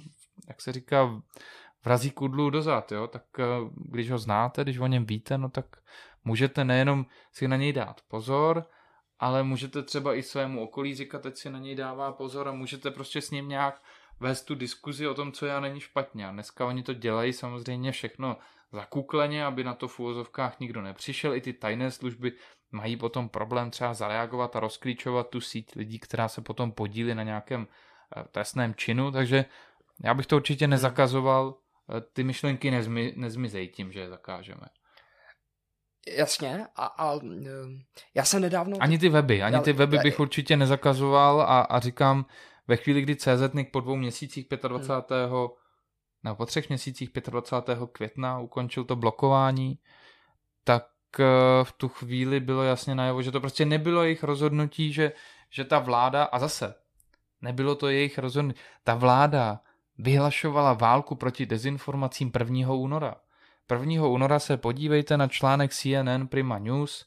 Vít Rakušan tam mluvil o tom, že musíme bojovat proti dezinformacím. A to, že přišla válka, tak je jenom nějaká omluvenka pro to, aby omezovali svobodu slova. Ale měli to v úmyslu dávno. A tady to byla vhodná příležitost to tady začít zavádět, protože zrovna se hodně lidí shodlo na tom, že tady ty myšlenky jsou nějaké opovržení hodné a že teda budem tolerovat, když zrovna těmto špatným lidem sebereme svobodu slova, ale že příště ji seberou i jim nebo někomu jinému, že tím roztáčí kolo, které se možná nezastaví, že tím tady budou eh, roztleskávat nějaké udávání, že jo, tak to už si potom neuvědomí, protože teď je válka, teď, teď jako ty lidi trošku chápu to, přemýšlí nad tím hmm. emočně, ale, ale prostě porušovat tady tyhle ty zásady je cesta do pekel. A uh, ty, ty weby už jsou zpátky, všechny teda. Už. Nevím, já, ale, já ale na ně nechodím, čet, ale prej, četl, četl, jsem, že, že CZNIK odblokoval. Tak, tak asi, taky jsem to čet, tak asi jsou zpátky. Asi no, ale o tom už se, nebo o tom už žádný, už, už se o tom vůbec nepíše, o, o tom blokování a už uh, žádný články ani informace od vlády jako o tom není, už, už to jako zmizelo, řekněme. No já si myslím, že CZNIC se teď cítí podvedený, hmm. oni si zkazili své dobré jméno, protože bojovali za svobodu internetu. Myslím si, že i dřív byly jako určité kauzy, které byla tendence, aby se utlutlávaly, aby nebyly vidět informace. Prostě přijímání legislativy akta, přijímání legislativy v návaznosti na Edwarda Snowdena, na, na prostě ty věci, které unikaly i americkým tajným službám. A dlouhodobě Evropská unie má tendenci omezovat svobodu slova a CZNIC vždycky jako byl tím, kdo prosazoval to, aby byla tady svoboda internetu a, a mě to k ním vůbec nesedělo. Já hmm. si vybavuju, když, a teď nevím, jak se ten uh, takový dlouhý pan herec, vysoký, hrál první ordinaci v Růžové zahradě jo, jo. před mnoha, mnoha lety nějakého, nějakého zdravotního bratra nebo doktora, nevím, co tam hrál. No, teď si bohužel nevybavím jeho jméno, ale ale on tam prostě dělal taková jako emotivní videa, co všechno ztratíme, když začneme omezovat svobodu internetu a určitě tím ztratíme hodně, protože hmm. zase to, že tady dneska je nějaký, nějaká globalizace, přináší uh, určitě své výhody i nevýhody, ale, ale právě třeba uh, v návaznosti na svobodu slova jsou to výhody, protože my najednou vidíme co se děje v té Číně, že tam zavádí sociální kredity, že tam zavádí digitální měnu. My vidíme, co se děje ve Venezuele, že jim tam dochází toaletní papír, protože prostě řídí ekonomiku po vzoru eh, Marxe a, a dalších jako komunistických myslitelů. A my pořád můžeme tady sledovat to, co se děje jinde a přemýšlet nad tím, jestli chceme jít tou cestou, nechceme tak prostě svoboda internetu nám poskytuje možnost tady o těchto těch věcech se dozvědět. Každý sám potom musí vyhodnotit, čemu věří, čemu nevěří.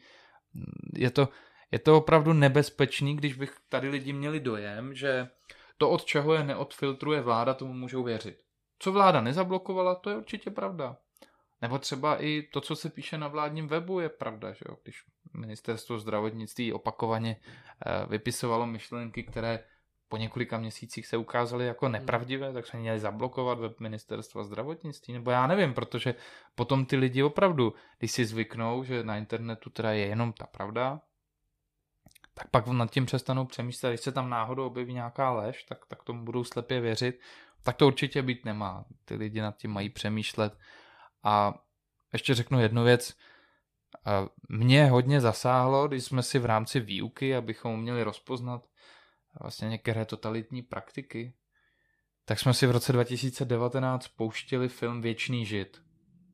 Zase není to pro každého, je to pro otrlé povahy, ale diváci můžou si najít na ulož to film Věčný žid. Byla to propaganda, prvotřídní propaganda nacistického režimu, na kterou posílali školní kolektivy, děti, aby docházeli tehdy do těch biografů a a těm dětem se tam vyprávěly nesmysly tak, aby nesnášeli, nenáviděli židy. Účelově vytržené z kontextu některé věci, naprosto mm, vymyšlené některé věci.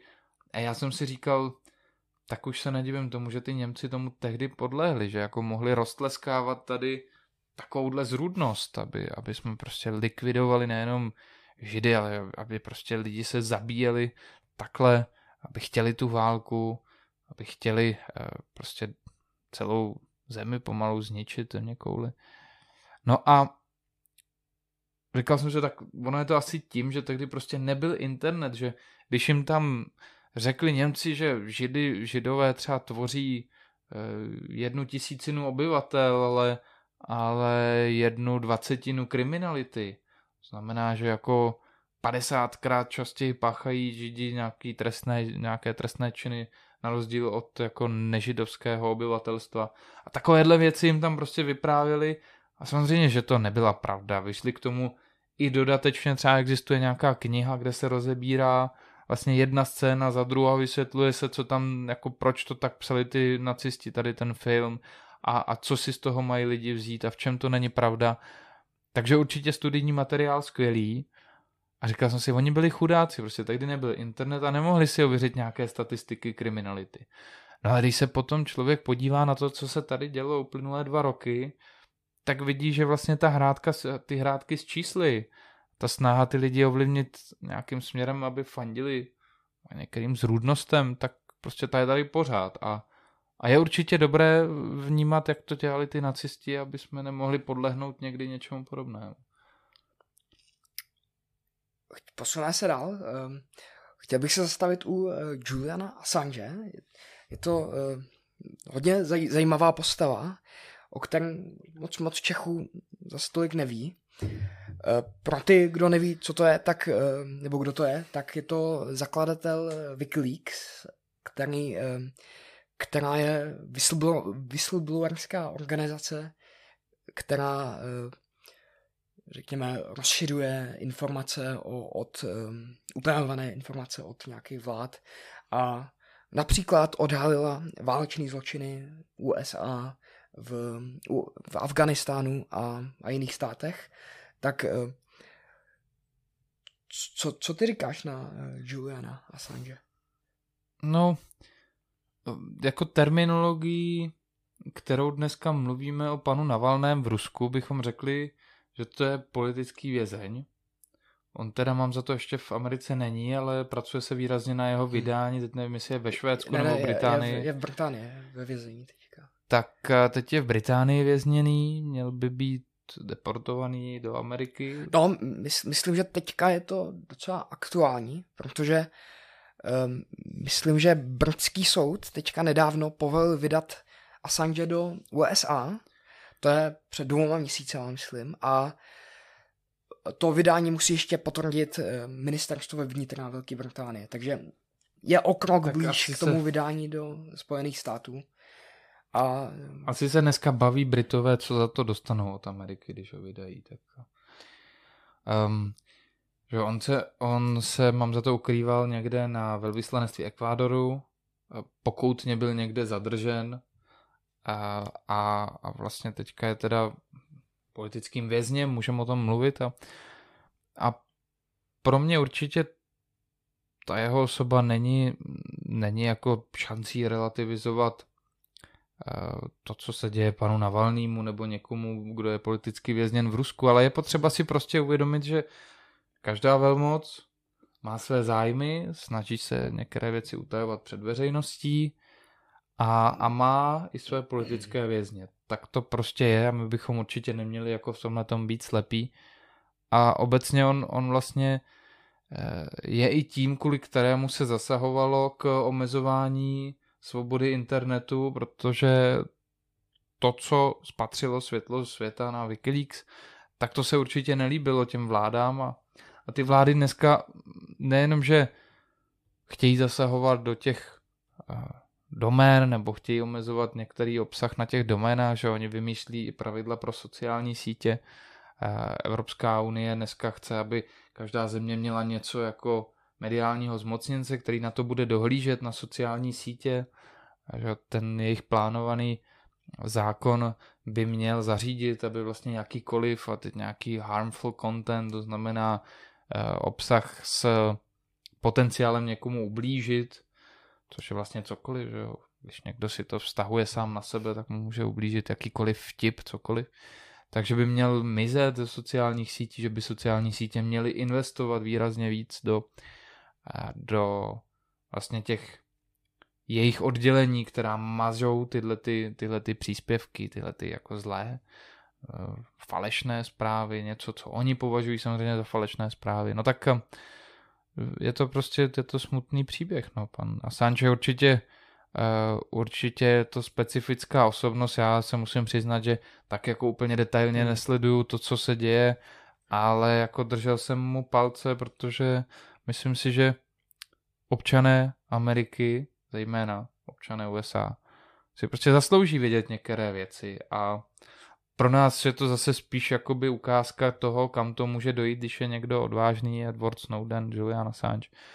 A, a některé věci prostě dá eh, na světlo světa, ale jako je to, je to bohužel, je to bohužel prostě problém Ameriky a jestli Amerika má svoje politické vězně, jestli Rusko má svoje politické vězně, jestli Čína má svoje politické vězně, tak je to určitě smutné, ale zase tak moc mě to netrápí. Já bych hlavně nechtěl, aby Česká republika měla své politické vězně, aby přisluhovala tomu uh, jakémukoliv režimu, který má své politické vězně, abychom Turecku, někomu dalšímu prostě vydávali lidi, kteří jsou politickými vězni a naopak si myslím, že by si zasloužili naši ochranu, takže kdyby se něco podobného dělo na našem území, někdo takový byl u nás eh, dneska vězněn a potenciálně by měl být vydáván, tak jsem přesvědčený, že by, že by právě takovýto lidé měli u nás mít politický azyl.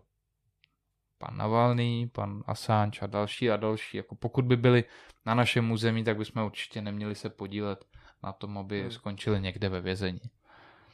Hmm, ale ten vliv USA je, je obrovský na tu Velkou Británii a, a třeba kdyby byl pan Assange v Česku, tak si myslím, že naše vláda by to neustála. No bohužel, ten, ten já nevím, jestli, tlak. nevím, jestli jsme někdy měli nějakou vládu, Ale... která by něco podobného ustála, hmm. možná úplně na začátku v 90. letech.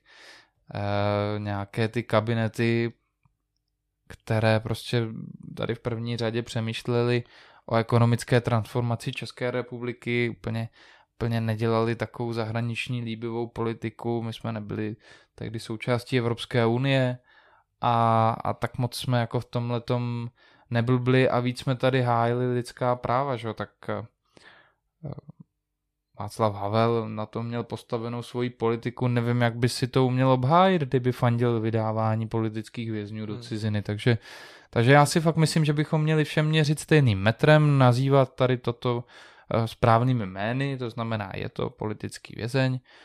A, a prostě hlavně v první řadě svobodní, mají takovou politiku, že bychom se nikdy neměli vměšovat do cizích záležitostí cizí zemi, to znamená, pokud by prostě pan Assange byl zadržený v Americe, tak se nám to nemusí líbit, ale asi jako Česká republika prostě naším úkolem není, aby jsme Justinu Trudeauovi nějak jako vynadávali za to, že tam koně šlapou po lidech a že tam násilně potlačuje povstání proti omezování svobody. Prostě my to musíme sledovat jako vnější pozorovatelé, my, co se týče zahraniční politiky, tak musíme s těmi všemi státníky, ať už jsou zvolení jakkoliv, tak musíme nějak vycházet rozumně. Eh, prostě naším úkolem není, aby jsme tady jako říkali, že pan Macron je lepší než Marine Le Pen, nebo Marine Le Pen je lepší než pan Macron. My musíme samozřejmě fandit těm, kteří třeba spolu s námi chtějí blokovat omezování naší suverenity.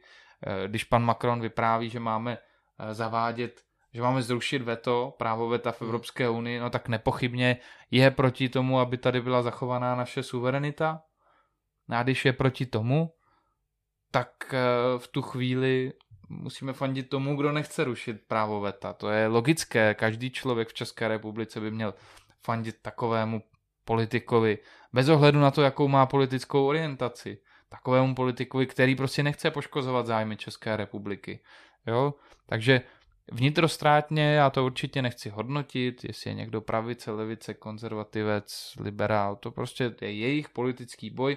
Mě vždycky musí zajímat zájmy České republiky a fandit tomu, kdo je nechce poškozovat. Hmm. No a, a stejně vlastně, eh, když ještě řeknu, jakoby, když jsi zmiňoval vliv USA, prostě ať, ať tam dělají sami, co uznají za vhodné, musí na to dohlížet jejich média, jejich občané, ti tam mají volit.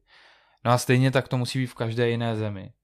Čímž prostě narážím na to, že jestliže Rusko omlouvá tady tu eh, svoji invazi do cizího státu tím, že snad na Ukrajině byli nacisté, no tak na to říkám, v každé zemi jsou nacisté, že někde možná ve větší míře, někde v menší, ale dva lidé, kteří se hlásí k nacismu, se snad najdou i v té nejmenší zemi, prostě tak to je ale to pořád není důvod, abych jako nějakou zemi obsazoval, protože to pak můžeme říct, že v Česku jsou nacisté, tak přijdou sem, že určitě tu nějací jsou. Nebo můžeme říct, že v Nigérii jsou nějací kanibalové, tak jim tam taky jako to vybombardujeme. Nebo, nebo si vymyslíme, že jsou třeba zbraně hromadného ničení v Iráku, tak jim tam taky jako vlítneme. Eh, prostě my musíme všem měřit stejným metrem a, a držet tu politiku neintervencionalismu, to znamená nesnažit se vměšovat do záležitostí konkrétních států, ať je to Ukrajina, ať je to Jugoslávie, ať jsou to prostě jiné státy. Pokud se děje něco špatného v té zemi, tak první řadě to musí e, ty lidi opravit si sami. Jo, tady, tady taky nakonec ta revoluce proběhla prostě tak, že, takže e, v České republice a v Československu hmm. vyšli lidé do ulic a určitě by nebylo zdravé, kdyby sem přijeli nějaké americké tanky a, a začali nás osvobozovat od komunismu. To, to určitě by nebylo něco, co by přispělo k tomu, aby se to tady vyvíjelo nějakým správným směrem. Prostě to, s tím jsme si měli poradit sami. Eh, v našem minulém podcastu tak jsme se docela dlouho bavili o Evropské unii, mm. ale eh, Teďka jenom krátce k nějaký jedné novince. Eh, Evropská komise dospěla k závěru, že eh, Chorvatsko je připraveno přijmout euro k, k lednu 2023. Tak eh, myslí, že, myslí si, že České republice hrozí euro? Tak já přeju Chorvatům upřímnou soustrast a myslím si, že České republice hrozí euro. Protože jsme viděli, že náš ministr ve funkci tady chce rozpoutat diskuzi o přijetí eura, myslí si, že je na to správný čas. Pan ginekolog Vlastimil Válek tvrdí, že inflace, která tu dneska je, tak souvisí nějak s tím, že nemáme euro. Asi prostě nedohledne úplně třeba do Litvy nebo do Estonska, do státu, kde se eurem platí a je tam inflace výrazně vyšší než u nás. Prostě ta inflace je věc, která má mnoho příčin a určitě krátkodobě je možné, že bychom třeba měli nižší úrokové sazby, protože Evropská centrální banka má úrokovou sazbu 0%, to znamená při splácení státního dluhu pro ty jednotlivé členské státy je to samozřejmě snažší, protože si můžou napůjčovat peníze s 0% úrokem. Je to zvrácené, protože když máte nějakou inflaci v nějaké výši procentuální, a vedle toho máte úrokové sazby, tak eh, ty částky by se měly celkem blížit a podobat. A, a prostě je to v rozporu se všemi ekonomickými poučkami. Jo, oni to tak dělat musí, protože eurem platí třeba i státy, které jsou výrazně zadlužené. Obsluha státního druhu, například Řecka, Itálie a dalších zemí, by vzrostla, byla by hmm. gigantická a hrozil by krach eura. A teď se tady prostě drží tahle ta uh, pozice, která je neudržitelná, tam to vře jako papinův hrnec a, a jako je to, je to opravdu věc, která je jenom otázka, kdy to praskne. Prostě tohle to není možné něco takto nepřirozeného, nic, co je nepřirozené, nejde udržovat do nekonečna na sílu dlouhodobě. To znamená, já si myslím, že Chorvati prostě dělají velkou chybu, ale zase je to jejich boj, no. Nakonec, ať dělají, co uznají za vhodné, třeba třeba budou mít pravdu, třeba se mýlim, ale myslím si, že ne. No. Myslím si, že je daleko lepší, abychom si zachovali naši měnu. Naše měna se ukazuje, jak je výrazně silná, protože když tady byly ty intervence, o kterých už jsme se bavili, Česká národní banka se snažila znehodnocovat naši měnu eh, vůči euru, což mělo přispět našim exportérům, ubližovalo to vlastně našim spotřebitelům, eh, to, co si lidé kupovali na regálech, v regálech našich obchodů, tak to bylo dražší, než být muselo, protože tady byl vyšší ten směný kurz. A přestože eh, Česká národní banka to plánovala v nějaké intenzitě ty zásahy, tak musela dělat ty zásahy daleko, daleko intenzivnější, protože se ukazovalo, jak je česká měna tvrdá měna, jak je česká koruna silná a jak s ní tak snadno úplně něco nezacloume a prostě ta Česká národní banka musela se snažit daleko víc nakoupit daleko víc i třeba devizových rezerv, což je věc, o kterou bychom přišli. My dneska máme devizové rezervy, které jsou, mám za to asi do desítky nejsilnějších devizových rezerv celé, eh, na celé planetě. Máme velké množství rezerv a to je všechno, o co bychom přišli, co bychom museli takhle vzít. A to, co jsme tady vykupovali za cenu toho, aby se prodražovalo našim občanům eh, vlastně to nakupování a všechno, tak to dneska máme ukryté v těch devizových rezervách. A ty peníze, které jsme do toho dali, ty, které se do toho investovali, Česká národní banka je do toho dala, tak ty by přišly v ní, protože my bychom ty devizové rezervy vzali a takhle bychom je poslali do Frankfurtu. To znamená, to, za co zaplatili naši daňoví poplatníci, by skončilo v ECB v rukách paní Lagardové, která prostě tvrdí dneska, že eh, je to všechno v pořádku, že energie budou dražší, že se lidi musí uskromnit, že Green Deal je správně, aby tady byl tlak na cenu energií. A, a vlastně tady to všechno, co se děje, v zásadě je teda tím pádem snad zamýšlené, ta, ta vysoká inflace je vlastně něčím, co e, není vedlejším efektem, ale, ale podle slov paní Lagardové, která šéfuje Evropské centrální bance, by člověk mohl jako mít dojem, že to je skutečně jejich plán, aby tady všechno zdražilo. To není jako omyl. Takže já bych nechtěl, aby tahle ta osoba držela v rukách osud naší měny. Nechtěl bych, abychom tady měli za chvilku digitální euro, co prostě se má zavádět. A rozhodně bych nechtěl, aby jsme přišli o českou korunu, kterou právě Alois Rašín, kterého zmiňujeme na tom billboardu, zaváděl a, a která nám poskytuje nějakou míru větší suverenity, protože až se zavede digitální euro, tak ta měna už bude nejenom prostředkem monetární politiky, té měnové, ale vlastně protože to budou vlastně neexistující peníze, tak se může dále docela snadno stát i prostředkem pro tu fiskální politiku, pro daňovou politiku, eh, protože vlastně v Evropské centrální bance si můžou z ničeho nic třeba říct, tak my vám zavedeme uh, úrok na vaší měnu, uh, na digitální měnu vám zavedeme prostě 10% za měsíc, aby podpořila třeba spotřebu. Takže lidé, kteří hmm. budou mít nějaké úspory v těchto těch digitálních eurech, tak dostanou takhle nad hlavu Damoklův meč a řeknou, tak jestli neutratím ty peníze, tak budu mít o desetinu míň na konci měsíce. Což je vlastně daň z majetku. Daň z majetku, který člověk má eh, na účtech v eurech. To znamená, já si tohleto opravdu, opravdu si to nepřeju, proto máme petici zapomlčka korunu.cz, která už má přes 20 tisíc podpisů, 24, 25, protože se obáváme, že a obávali jsme se už před volbami, že za určité konstelace, která vlastně byla splněná v té vládě, tak se může stát, že tady vlastně nám bude tvrzeno, že nás euro vysvobodí, protože by nám snad přineslo menší inflaci, že ho máme chtít, že budeme mít menší úroky na splácení státního dluhu, ale já opravdu nechci, aby měl stát menší úroky na splácení státního dluhu, protože to je jenom dočasná věc. Já nechci, aby tady stát byl ve větším pokušení vytvářet dluhy, protože se to zrovna vyplatí, protože zrovna jsou nízké úroky. Oni ty dluhy se vytvoří a budou tady s námi za dalších 20-30 let. A jaké budou úroky za 20-30 let? Nevím. Když jsem se díval na rozhovor před volbama, kde byl Petr Fiala, tak říkal, že euro rozhodně ne. Ale teďka, co sleduju jako po volbách, tak eh, to, to ta vláda docela obrátila. Ale uvidíme. Na, naštěstí ještě um, nesplňujeme ty kritéria maastrichtský, což naštěstí... Tak některým státům se to prominulo, že Ře- hmm. Řecko, Itálie nikdy nesplňovaly maastrichtská kritéria, přesto vstoupili do eura. Euro je politický projekt ve chvíli, kdy politická reprezentace u nás nebo v Bruselu si bude přát, abychom euro přijali, tak eh, se přihmouří oči.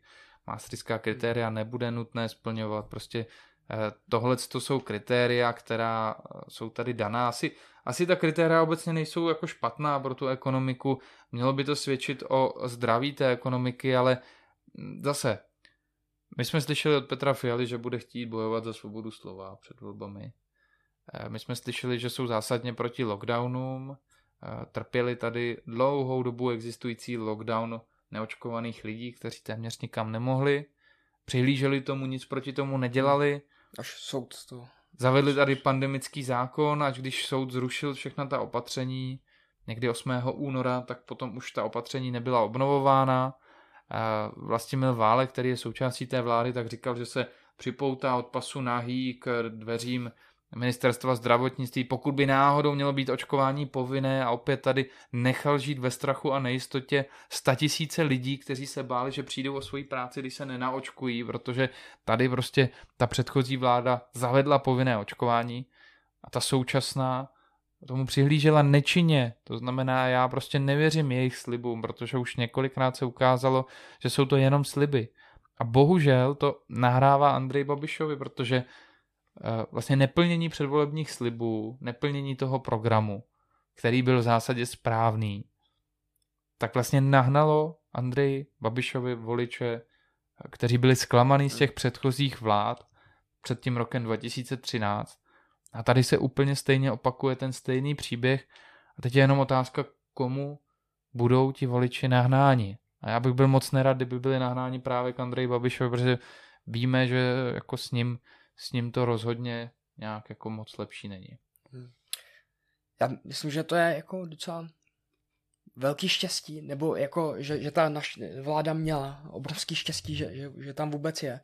protože kdyby přísá dostala o pár, o pár procent víc, nebo o, o, pár, o pár desítek tisíc hlasů víc, tak, tak už tady nejspíš není naše vláda dneska. Kdo ví, jak by to bylo? Kdo ví, s kým by, s kým by Robert Šlachta dělal koalici? Jasně. Já moc, moc nevím, co sleduje svojí stále ještě existencí v politice, protože chtějí do nějakých komunálních voleb. V nějaké fázi jsem si myslel, že to je Bčko Andreje Babiše, že jsou dopředu domluvení. Ve chvíli, kdy kandiduje pořád, tak mám jako spíš pocit, že vlastně Andrej Babišovi ty hlasy odčerpává, že ti hmm. jeho voliči by Babiše spíš volili a že dneska vlastně existence strany přísaha Babišovi spíš škodí a, a možná kdyby ty voliči, kteří dali hlas eh, Šlachtovi, kdyby neměli možnost volit Šlachtu, tak možná, že by hmm. ve velké míře ten hlas dali právě jemu. Takže by Andrej Babiš eh, mohl být určitě radši, kdyby Robert Šlachta v politice vůbec nebyl. Takže těžko říct, jestli by dělali spolu vládu. Nevím. nevím. Hmm. Ještě bych se posunul eh, k dalšímu tématu a to je eh, zelená politika, o které jsme se eh, chtěli před chvilkou bavit. Jak, jak, jak to pojmout? Přece, nebo když mám auto, tak auto má a jezdí, tak něco má výfuk a něco vyfukuje, nějaký negativní externality. Tak přece když něco, někdo nějaký, vypuzuje nějaký negativní externality, tak to musíme uh, nějakým způsobem omezit, ne? Nebo jak, jaký k tomu máš přístup? K tomu, tomu? No obecně v rámci volného trhu hmm. vždycky se vyskytují externality a ty externality by měly vlastně kompenzovat ty, kterým vzniká škoda provozem některé Jasně. fabriky, takže když někdo provozuje třeba fabriku, kde vzniká nějaká, nevím, třeba v zemědělství, vznikaly nějaké, nějaká močka, eh, ještě hmm. krávy by někde produkovali, že jo, prostě. Nebo to špiní jezero nějaký kolem. Tak eh, v tu chvíli je potřeba, aby se kompenzovalo to okolí, do kterého tam přiteče nějaká prostě kalná tady smradlavá voda. Eh, když jsou ty prasečáky, tak se má zase kompenzovat okolí, které musí třeba snášet větší množství smradu. A vždycky ty kompenzace mají být pro ty, které to poškozuje. To znamená, to není o kolektivní vině, to není o kolektivním zákazu, to není o tom, že stát má rejžovat na tom, že někdo dělá něco špatného. Hmm.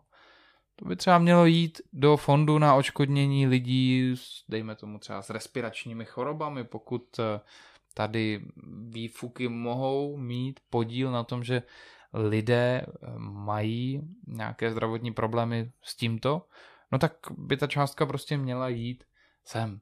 Řešením určitě není, aby, aby stát na tom rejžoval, řešením není, aby Evropská unie zakazovala tady toto, protože eh, jako kde bychom byli, kdyby tady nebyla průmyslová revoluce na konci 18. v 19. století, Londýn byl zamořený neskutečně, tam prostě byl, byl obrovský smog a přesto rostla délka dožití těch lidí. Přesto v tomto období, že jako samozřejmě někdo na to doplatil zdravotními problémy, tak Jasně, ale velký ekonomický dlouhodobě růst. ten ekonomický růst prostě přináší i prodlužování věku dožití. To znamená, my když začneme ničit to, co se spolu podílí na tom ekonomickém růstu. Určitě mobilita to je, protože ve chvíli, kdy lidé se mohou přemysťovat, dávat svoje služby nebo mohou přemysťovat zboží, materiál, mohou, může se více produkovat toho zboží, no tak v tu chvíli uh, jako nám to tady pomáhá k tomu ekonomickému růstu. A já chápu ty mladé lidi, kteří chodí na ty demonstrace a jsou nešťastní z toho, že se ničí naše krajina, ale říkám jim, toto není cesta. To, že zakážeme autům se spalovacími motory jezdit, tak to je parodie na ochranu přírody. Ale daleko víc si ničíme vlastní ekonomiku. Vy budete mít dražší potraviny, jste ochotní to podstoupit, že vy až půjdete do obchodu, tak si koupíte menší výběr věcí, dražší, méně kvalitní, protože prostě vy tady zakážete to, aby se tuto zboží převáželo, abyste si měli z čeho vybírat. Prodražíte to. No a někteří fanatici řeknou, ne, to je jedno, no ale tak asi nevím, tak asi jsou z nějaké hodně dobré rodiny, že jim to jedno, ale ten, kdo normálně nad tím uvažuje a ví, že dneska je drahé bydlení, drahé spoustu, uh, drahé je skoro všechno, že prodražuje se inflace, no tak eh, nemůže přeci takhle mluvit, že je mu to jedno, že zákaz eh, provozu aut se spalovacím motorem se výrazně bude podílet na zdražování, takže mu to jedno. To prostě můžou říct malé děti, můžou to říct boháči, můžou to říct hlupáci, ale nikdo chytý to říct nemůže. Takže my se třeba chodíme bavit i s těmi lidmi, kteří jsou na těchto demonstracích, snažíme se jim to vysvětlovat, snažíme se říct, že jako výfuk u toho elektromobilu sice nevidíme, ale on existuje, je v té továrně, která musela vyrobit tu elektřinu. Navíc na rozdíl třeba od těch klasických aut, tak eh, součástkou v elektromobilech jsou jako litiové baterky, které zase není úplně vyřešené, jak se budou skládkovat, jak se budou vyrábět. A já určitě neříkám, že máme zakázat elektromobily, protože tam jsou litiové baterky a nevíme, co s nima. To rozhodně neříkám. Já si myslím, že o tomto má rozhodnout ten trh. Má o tom rozhodnout trh myšlenek, trh technologií, ta konkurence. My nemáme dotovat jenom některé technologie na úkor jiných, protože my, když například jsme tady v rámci zelené politiky dotovali kotly na plyn, kotle na plyn, tak na tom narejžovali ty firmy, které prodávají kotle, ty stály třeba 30 tisíc, najednou zdražili na 40, stát řekl, že proplatí třeba 25 tisíc, takže lidé zaplatili jenom 15, tak se jim to vyplatilo, předtím vyplatili 30, no ale oni na tom vydělali, protože najednou ty kotle skokově zdražili, protože na ně byly dotace. Lidé si je mohli snáze snáze si je mohli dovolit. No a my dneska vidíme, jak to byla zhoubná politika, protože dneska víme, že ten plyn nám může hodně chybět. Ti lidé, kdyby sami přemýšleli, jakým způsobem si chtějí obstarat teplo, bez ovlivnění tím, že zrovna jsou dotace na plynové kotle, možná, že by dělali uh, jiné, jiná rozhodnutí a možná, že bychom tolik na tom ruském plynu dneska závislí nebyli. Takže tady se prostě ukazuje, to je úplně jasný příklad toho, jak ty dotace, jak Green Deal nám škodí, jak se obrací proti nám. A kdo to nevidí, tak je prostě krátkozraký. A chápu, že to někdo neviděl před válkou, ale kdo to nevidí dneska, no tak to prostě tomu asi není úplně pomoci. A nebo je to oběť demagogie, oběť té propagandy? A, a my musíme s ním jako s obětí zacházet určitě jako určitě není důvod vnímat, že ti mladí lidé jsou naši nepřátelé, že, že jako chtějí něco, co v zásadě to jsou jako chválihodné cíle. Určitě každý z nás chce, aby tady byla krajina, ve které se dá žít. Každý z nás chce, abychom další generaci předávali krajinu v lepším stavu, než v jaké jsme ji přebírali. Ale to, že budeme tady dělat takováhle alibistická rozhodnutí, která jenom pomůžou biznesu některých konkrétních lidí, tak to naší krajině určitě nepomůže. My, my plán máme, a prostě říkáme, že je potřeba, aby to rozhodování o té krajině se vrátilo do rukou těch, kteří tam s tou krajinou pracují, ať už jsou to lesníci, ať už jsou to zemědělci.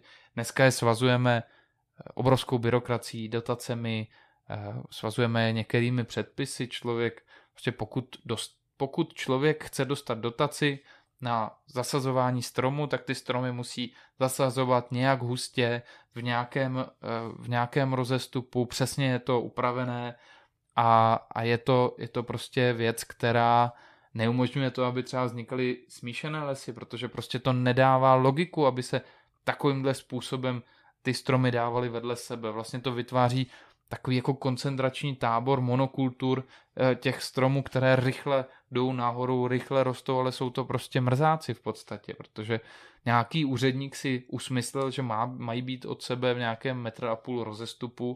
Jo, a, a tyhle ty rozhodnutí dělají prostě lidi, kteří viděli les maximálně na obrázku. A tyhle ty, který tam potom to musí vykonávat, tak si ťukají na čelo.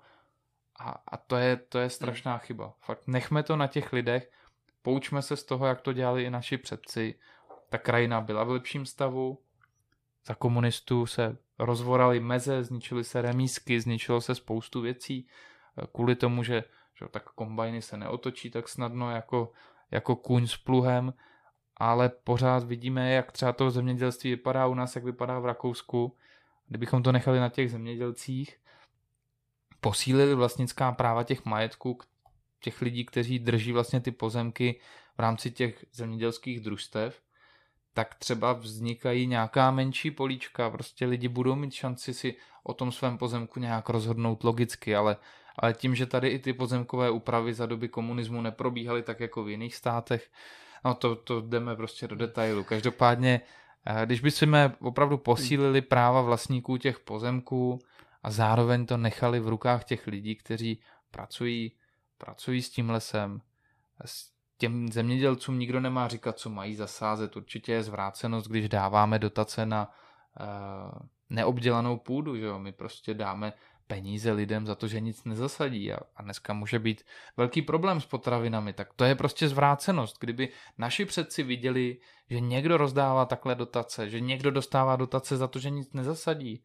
tak by si ťukali na čelo a mysleli by si, že jsme mimozemštěni nebo že jsme se totálně zbláznili ještě u těch uh, negativních externalit, tak uh, jak, jak nastavit ten systém správně, uh, aby nějak přiměřeně třeba u, u nějakých emisních limitů nebo, nebo, nebo takhle, aby, aby jsme nezničili ekonomiku, ale i nezničili svoje plíce třeba. No určitě, určitě to má být postaveno na tom, že ty peníze neskončí ve státní kase.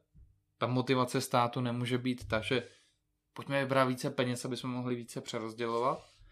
Má to mít právě ten efekt, zejména třeba na místní, jo?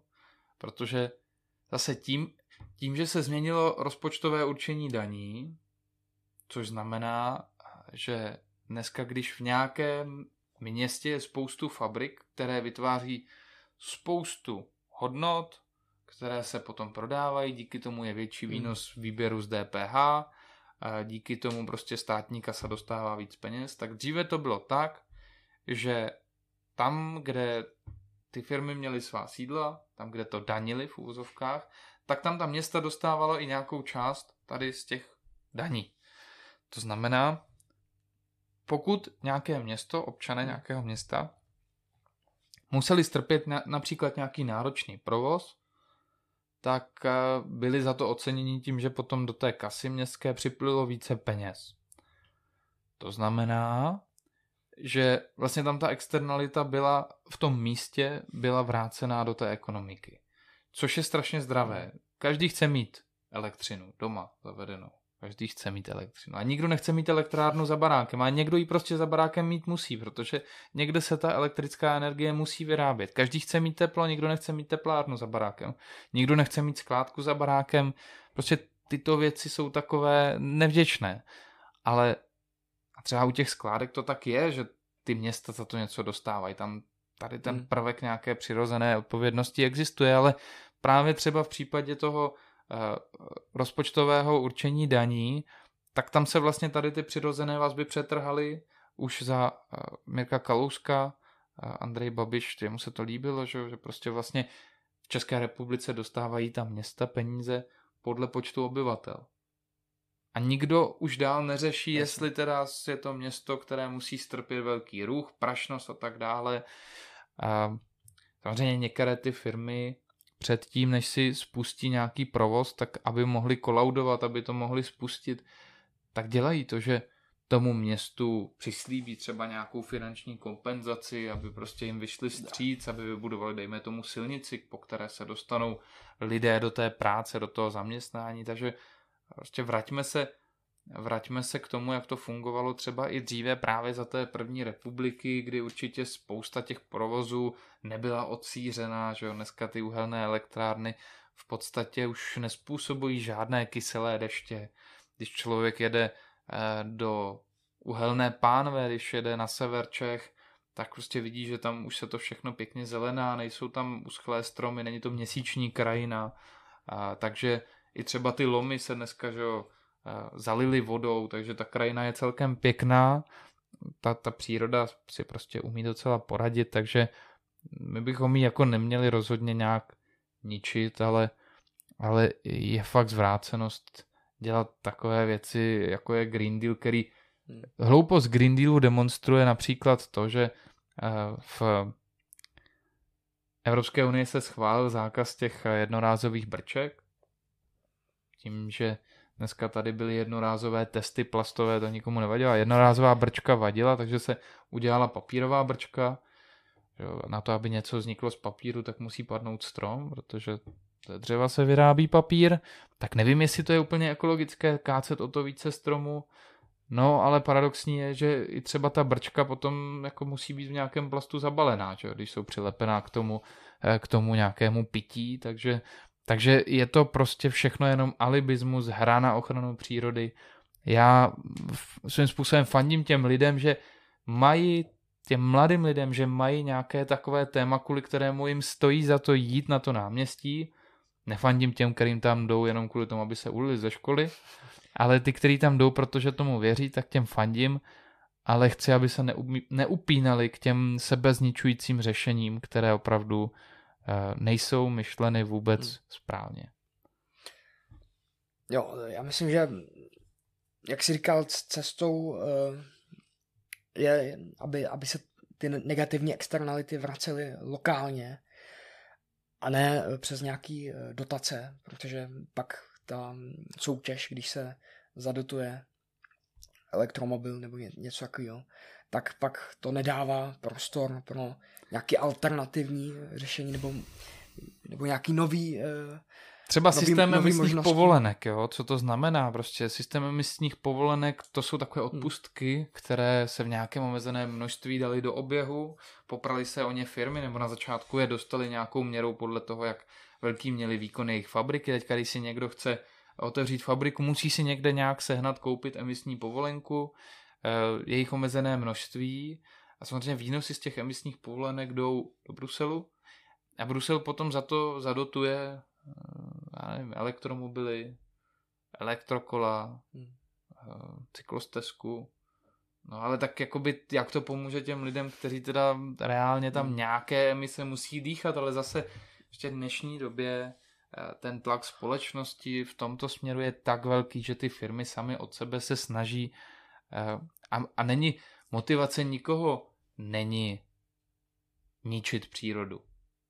To nikdo, nikdo jako normální, kdo není zavrácený, tak nechce ničit přírodu, chce vyrábět nějaké produkty za nějakou cenu, aby si to někdo kupoval. Logicky prostě podnikatele podnikají od toho, aby, aby vydělávali, ne aby prodělávali. To znamená, že prostě mají ten provoz více eh, ekonomicky rentabilní, tak třeba mohou dělat větší technologické posuny, ale, ale potom oni se sami chlubí, že jo? Oni jsou v rámci nějakého ratingu, eh, mají třeba nějakou i značku, že teda jsou eh, pro menší znečišťování, že prostě upravili ty svoje provozy, aby neničili tu krajinu.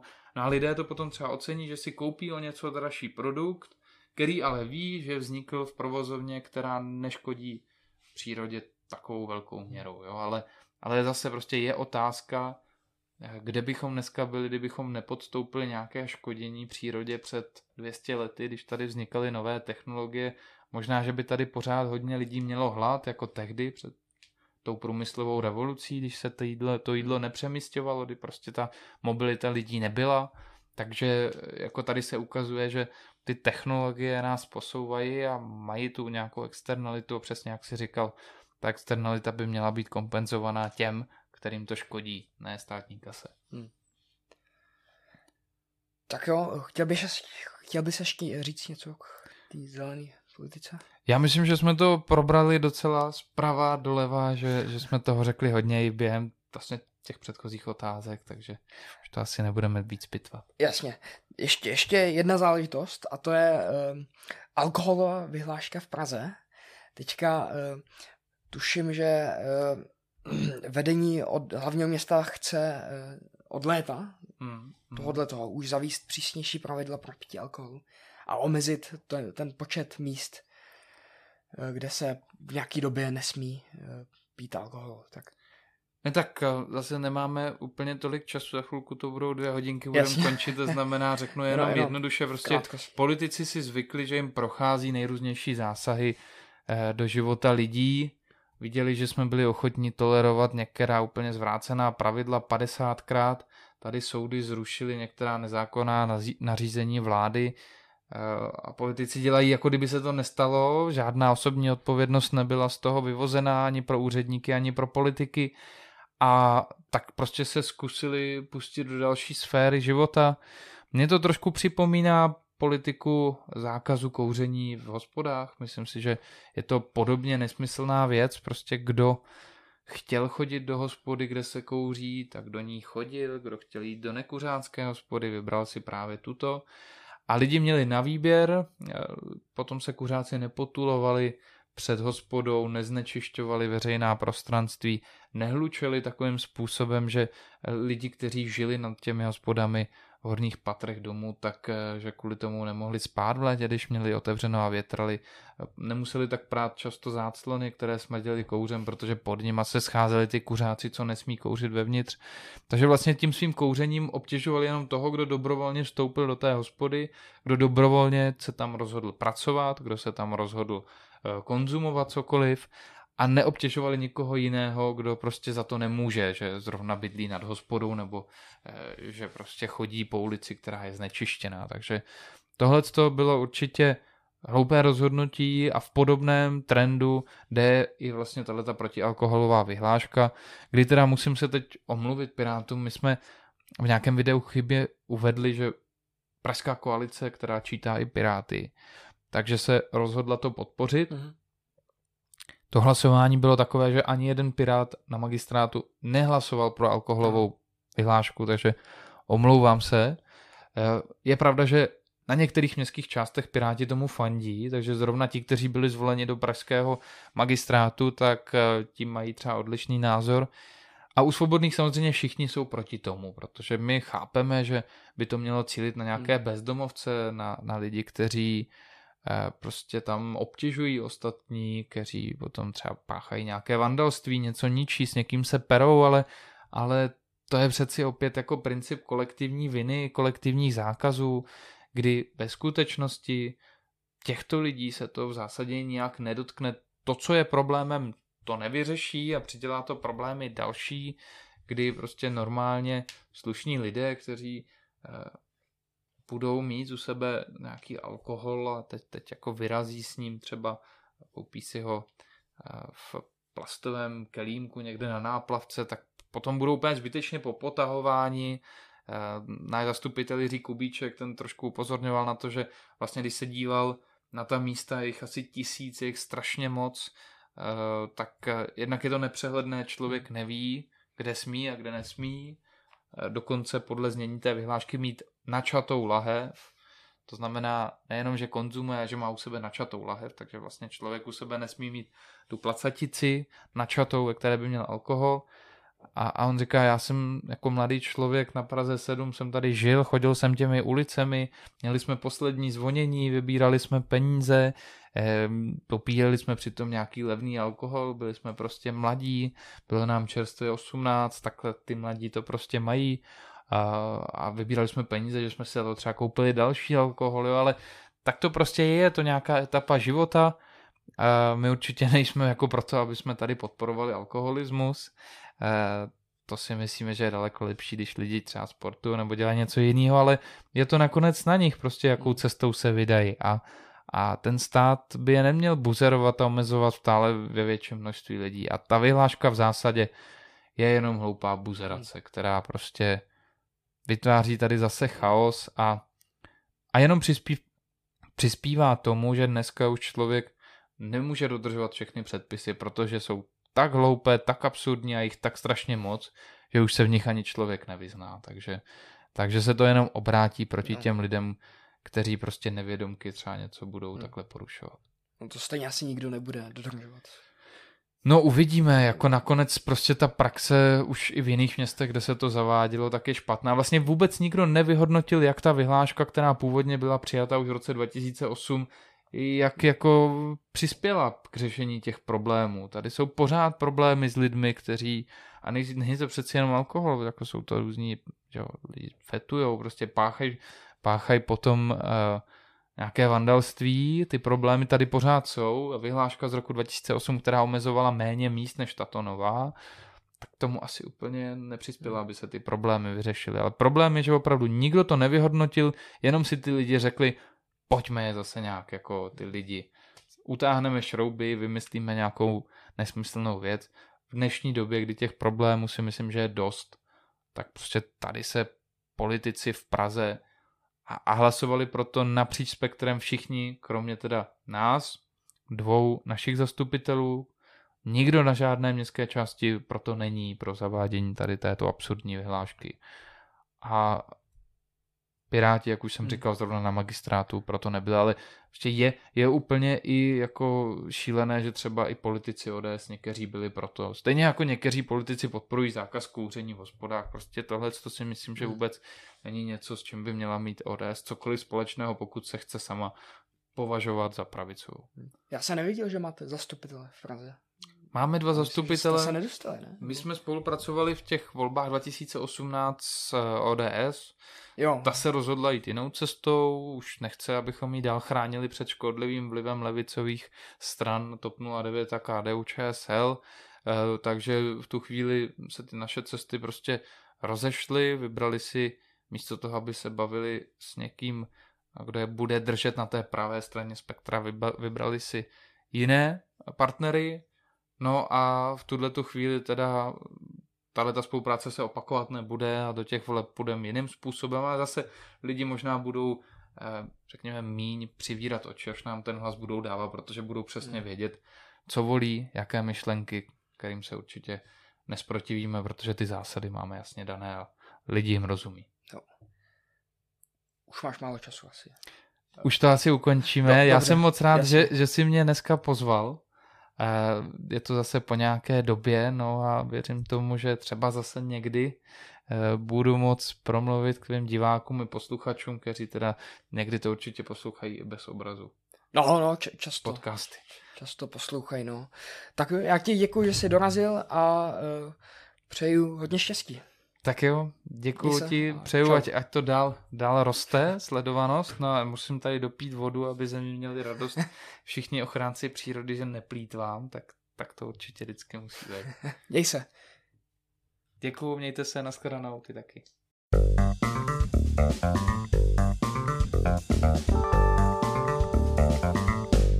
Tak to je vše z tohoto podcastu s Liborem Vondráčkem. Doufám, že jste měli příjemný poslech u tohoto podcastu a můžete dát vědět, jak se vám tato epizoda líbila na sociálních sítích Robin Studio, kde jsme na Instagramu, Twitteru a nebo Facebooku. Ale nově nás můžete i kontaktovat na e-mailu robin.stetina robinstudio.cz Děkuji vám, že jste poslouchali tuto epizodu a uslyšíme se u další epizody.